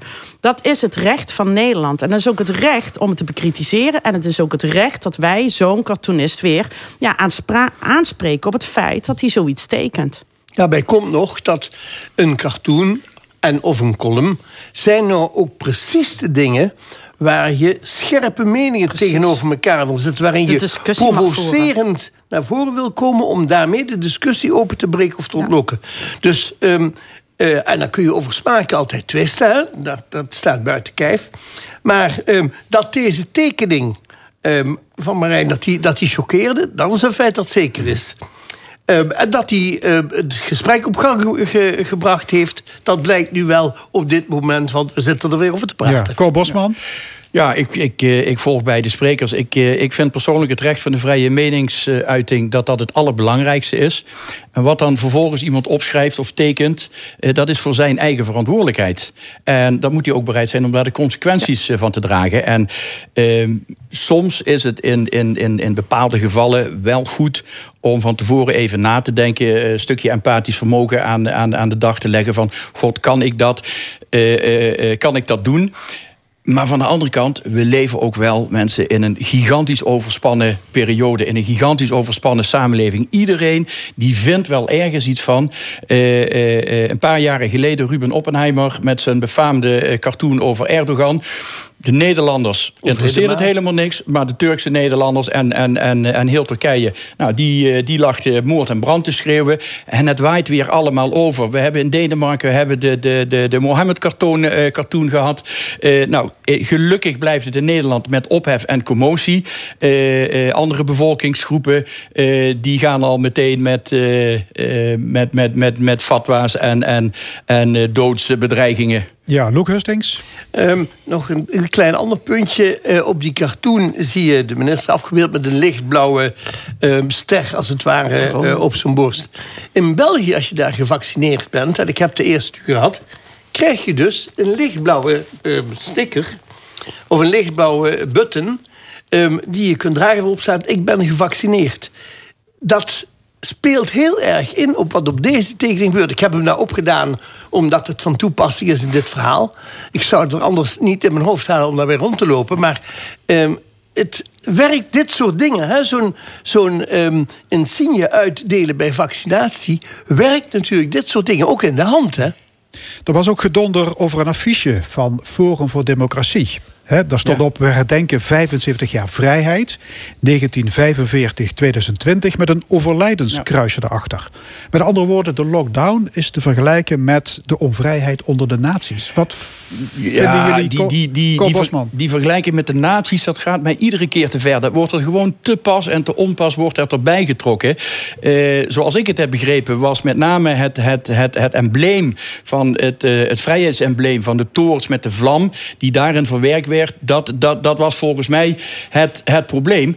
Nou, als ik de gedachtegang van Forum voor Democratie, hun, hun, hun ideologie eh, eh, eh, erop nalees, nou, dan komt dit overeen met hoe hun politiek bedrijf, eh, bedrijven, zij vinden dat onze vrijheden heel erg beperkt worden. Maar, Is het maar wacht even, ze vergelijken toch die lockdown met de terreur onder de Duitse bezetting tijdens dat- 4045, ja, dat, gaat, soms? dat gaat mij dan net te ver. Dat we te maken hebben met een lockdown, ja. Is het terreur?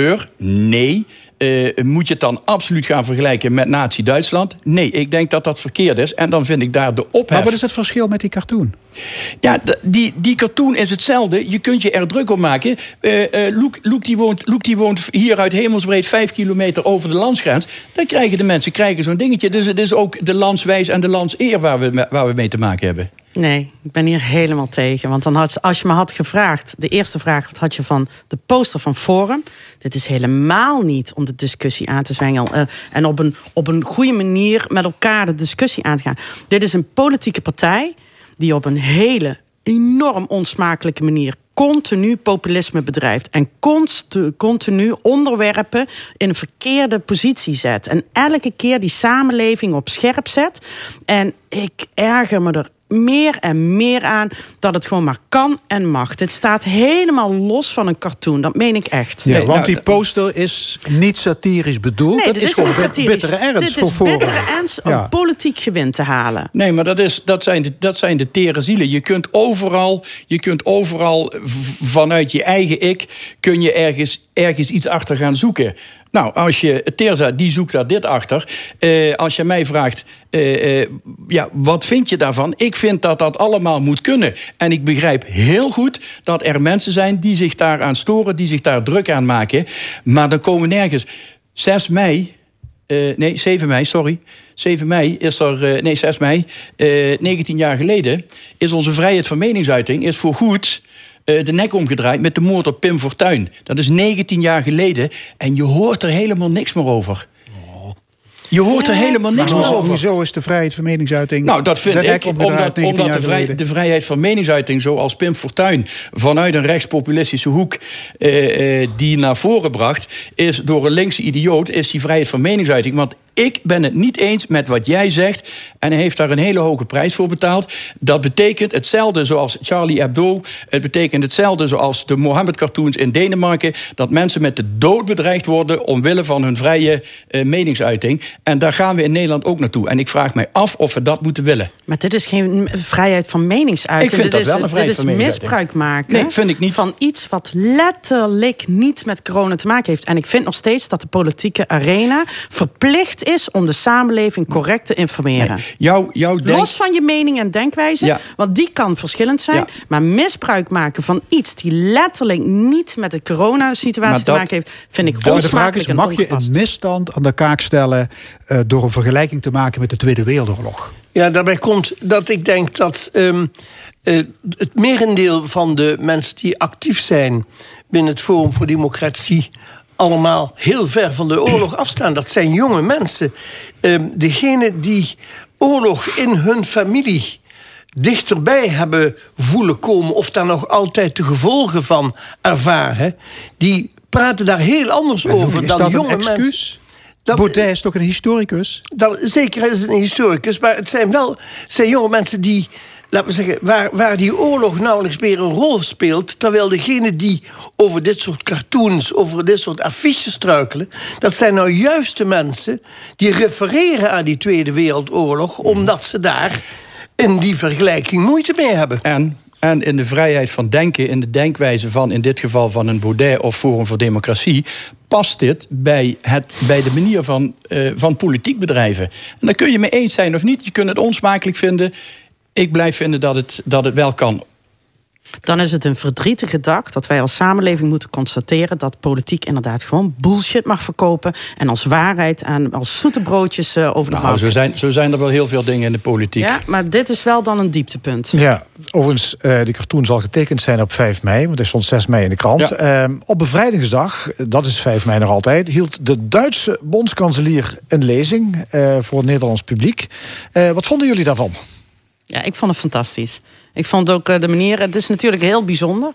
Ja, dat is de, uh, de, eerste keer op deze manier. Dus ja, ik vond het wel heel bijzonder. En ook op een goede manier heeft het aangepakt. Ik ben benieuwd hoe de rest van de, mijn team hier naar kijkt. Uh, maar dat, ja, ik, ik vond het indrukwekkend. Ja, 76 jaar na de oorlog. Ja. Kan dat dan blijkbaar, dat de Duitse bondskanselier zo'n lezing geeft? Nou, het werd tijd. Hè. Ze had het het verleden jaar al zullen doen. Maar vanwege corona ging dat toen niet door.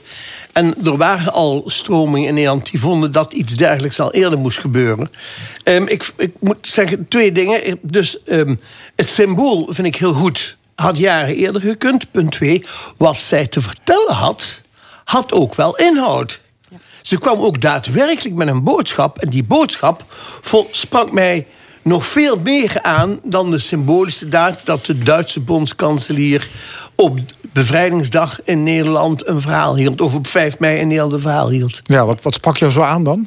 Nou, de, de, de, de, het feit dat zij zegt... dit soort misdaden verjaren niet bijvoorbeeld. En ook die misdaden die gepleegd zijn... ook met de vinger durft aan te wijzen. En zich ook weet te verplaatsen... in de enorme ellende die dat toen met zich meebracht. En nog altijd waar we het net over hadden, in veel families en, en gezinnen en uh, nog altijd voortleeft.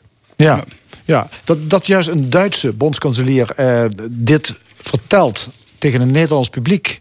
Uh, wat zegt dat, kort, denk je? Um, ik denk dat dat uh, de, de, de openheid van geest, uh, de bereidheid om te vergeven van de Nederlanders aanduidt.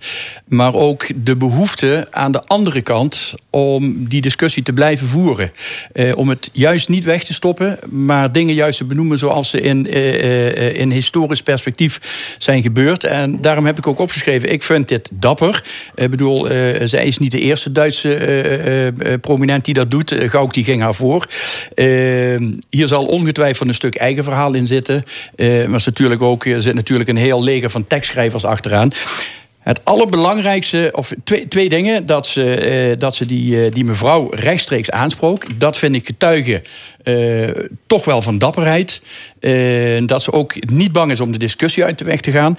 En het andere, het verleden kunnen wij niet ongedaan maken. En ik hoop dat we ons dat in Nederland een beetje gaan aantrekken. Met alle non-discussies die wij voeren, hoe slecht Nederland in bepaalde periodes geweest is. Verstop je geschiedenis niet. Maak het bespreekbaar, houd het in gedachten met het oog op de toekomst. Ja, want Duitsers hebben dat eigenlijk na de oorlog wel consequent aangepakt. Hè? Dat zwarte verleden is nooit weggestopt in de Bondsrepubliek. Eh, er is op scholen, in de media is altijd serieus verteld over dat eigen oorlogsverleden. Kunnen wij op dat gebied iets van de Duitsers leren? Ja, dat denk ik wel, ja.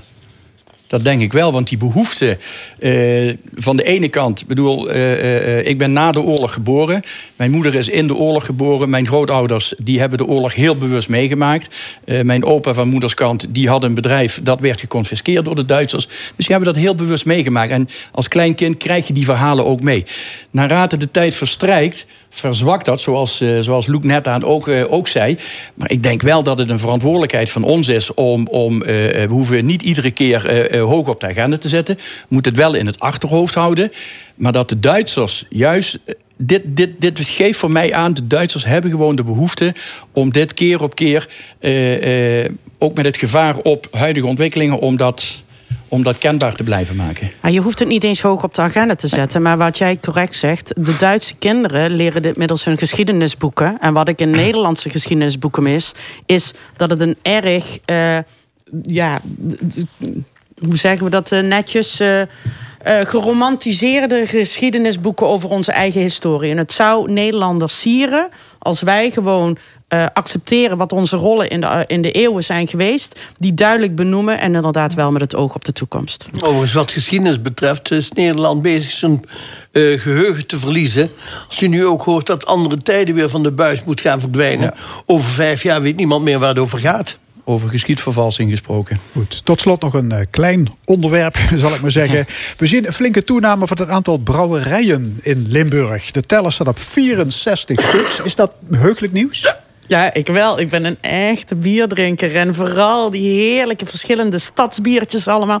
Luister, het hoort bij onze cultuur, hè? Brabanders en Limburgers. Het hoort er gewoon bij. Goed bier brouwen. Ja, maar Dus komt, kom het, maar op. komt het door corona? Zoeken mensen een nieuwe hobby? Of, nee, dit eh, was toch al een tijd meer geleden een of tendens. En het is goed om te zien dat het nog meer opgepakt wordt. Het ambachtelijke. Ja, dat ambachtelijke. Ja, en uit de eigen streek. Hè. Ambachtelijk en eigen streek eh, zijn twee dingen die erg met elkaar verbonden zijn. En laten we zeggen, het zou bijna in het Limburgs wapen kunnen staan. Bieren waar Limburg trots op is. Ja. Echt wel. Ja, oké, maar aan de andere kant, er wordt eh, gewaarschuwd voor de effecten van, eh, van alcohol op de volksgezondheid. Het drinken is niet goed, eentje per dag. Eh Nou, van geheel, onthouding, geheel onthouding is nog beter. Hoe valt dat te rijmen met 64 brouwerijen? Ja, ik ben, Bosman? ik ben zelf geen bierdrinker. Maar zoals ik de vorige week hier aan deze tafel heb... eh, of de vorige keer aan deze tafel heb gezegd... in Polen heb ik zelfs mijn eigen bier, het Bosman Pivo. Maar ik ben geen bierdrinker. eh, ehm, maar dit, dit, dit geldt voor alles. Overal waar het woordje te voor staat... dat is niet goed, dat is niet gezond, dat is niet wenselijk. Dus mensen, drinken lekker Limburgs biertje... maar denk eraan, je krijgt er ook koppijn van. En hou het, eh hou het En, en, beschaafd. maar zeker die speciaal bieren zijn over het algemeen ook niet de bieren die klok, klok, klok Nee. weggespoeld worden. heerlijk Maar die dus met, met verstand gedronken worden. Oh, oh. Cont- Contradictio in termen. Nee, dan mag je dat wel bier drinken en verstand. Aanroeren, die volksgezondheid. Ja, maar Want ik daar denk- wordt zo mee gepocht. Hè? Nee, ik 64 denk dat, eh, brouwerijen. ik denk dat het het, is een gewoon... hele goede is eh, wat, wat nu wordt gezegd. Ik denk juist, het verschil met een pilsner is... Hè, ik eh, keep er tien achterover, jee, of twintig. Dit zijn biertjes, daar pak je er één, misschien twee. Dus eigenlijk binnen het kader van drink verstandig... en geniet nou van het feit dat je eens een slokje drinkt. Ja, ik, ik ben daar helemaal, eh, geloof ik... Kom op maar, nog een paar van die brouwerijtjes erbij. De kleine brouwerijen kunnen jou bellen voor Ja, een reclamespot, geloof ik. Hè? Ja. Het is, het is trouwens Nationale Molendag vandaag. Ja. Wie, wie heeft er een favoriete molen? Ik heb Tirza. Ik ook. Ja, Leu, eh, de Leumolen in het Leudal. Maar dat is het hele gebied en het sentiment. Dus als kind kwam ik ter haal. Bijzondere molen. Eh, persoonlijk, eh, Limburg heeft meer watermolens dan, eh, dan andere molens. Ik vind de kasteelmolen in Baarlo vind ik persoonlijk de mooiste. En ik vind eh, ehm, ehm, windmolens in het Lanakerveld, die hele hoge... Die van vind ik 200 meter. Fantastisch. Hmm. Die, ja, die waar, waar, de- als je ze goed bekijkt, ze zijn prachtig esthetisch ontworpen. En ze geven rust. Hartelijk dank, discussiepanel Terza Hoeben, Cor Bosman, Loek Hustings. Dit was De Stemming vandaag gemaakt door Edwin Maas, Angel Zwars, Fons Geraas en Frank Ruber. Komende zondag, dan zijn we daar wegens de meivakantie niet. Dus graag tot over twee weken. En dit programma wordt herhaald maandagavond om 8 uur. Zometeen L1 Sport. Ik wens u nog een mooie zondag en tot 23 mei.